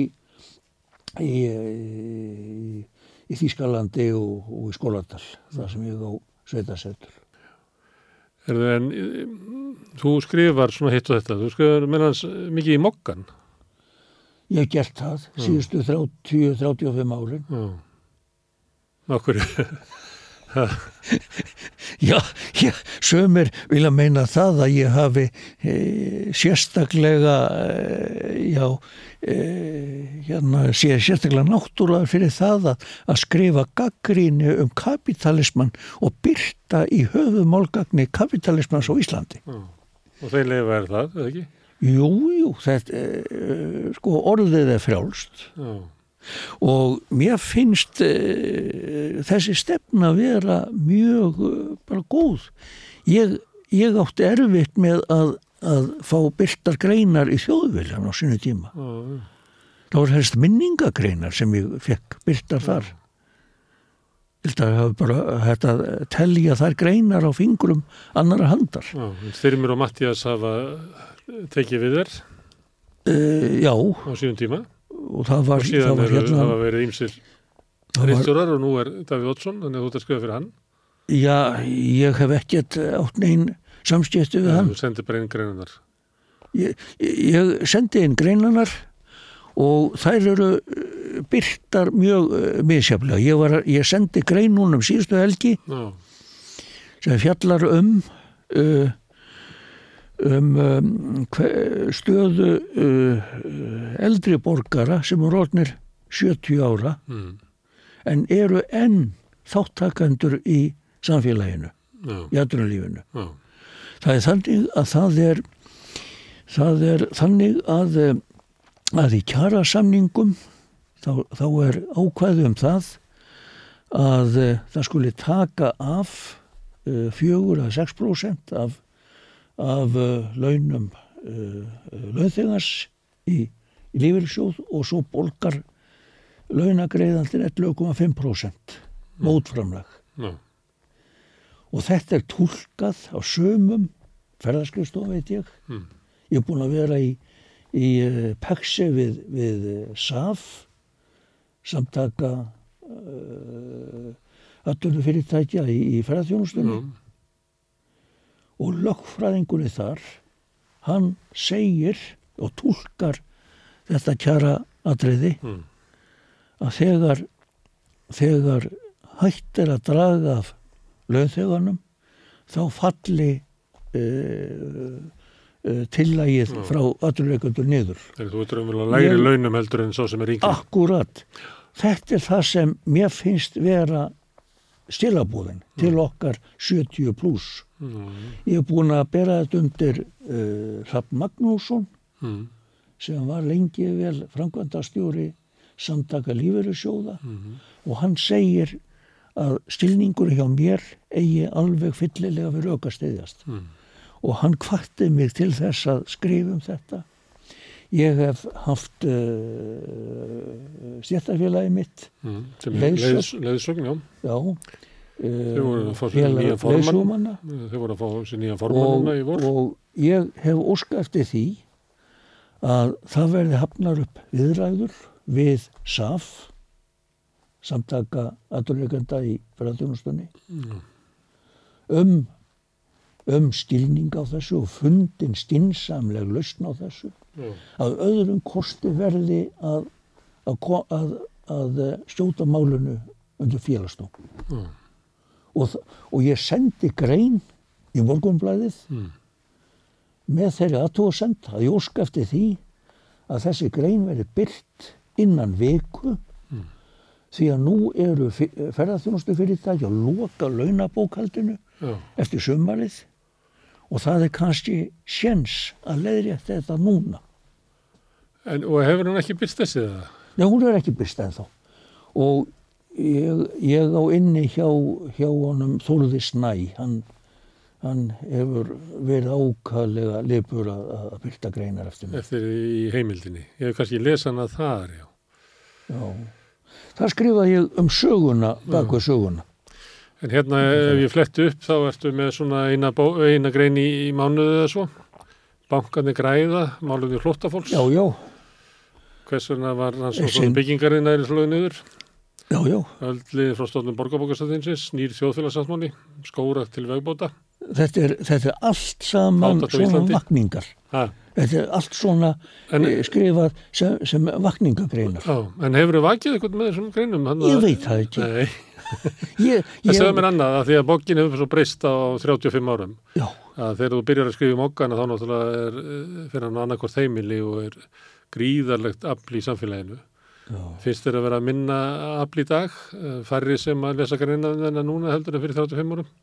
Sko, þegar Davíð er ráðinn sem rittstjóri þá misti blaðið um þriðjung áskrifenda sinna þar á meðal mig mm. ég hef ekki kift blaðið síðan mm. en ég les það gætnan á bókarsöfnunum mér finnst alveg sjálfsagt að lesa blaðið þó að þó ég sé ekki alltaf sammálaði en þannig virka líðræðið Herðu Guðjón, hérna Þér hafði ekki með að hafa bjarga lífiðinu á því að grúska í þessu og hafa síðan hérna, eftir að lífinu að bjarga það ná að klára þessu og komast út. Já, ég vona að uh, þetta var ekki einhverjar uh, umræður Já. og til þessi leikurinn gerði. Til þessi leikurinn gerði. Herðu, Guðjón, hlæði þakkir fyrir að koma hengað á Rauðaborðinu. Jó, uh, mín er ánæginn. Herðu, við, þetta var lokin á Rauðaborðinu í kvöld. Ég þakka Guðjóni og öllum gestum okkar kellaða fyrir og ykkur sem hafa verið að hlusta. Hvet ykkur áfram til þess að hjálpa okkur að byggja upp samstöðuna, það gerir þið með því að gera áskrifundur, samstöðun.is, það er nappur sem að skrifa þér á áskrift, ef þið ítið á hann, þá getið þið orðið áskrifundur fyrir 2000 krónur á mánuði. Þau sem að vilja geta látið áskriftin að renna sem félagsgjöld inn í alltíðufélagið og þá verður hluti af alltíðufélaginu, en það er einmitt alltíðufélagið sem á samstöðuna. Ég hvet ykkur líka sem að notið podcast að leita samstöðunni á podcastveitunum sem þið notið. Þið getur bæði fundið samstöðuna sem allir þættinir eru og svo líka eh, hvert þátt fyrir sig ef þið viljið fá það í ykkar hlaðvarsveitur. En uh, ég segi þá þetta gott í kvöld og býðu ykkur góða nótt. Segðu það á samstöðunni.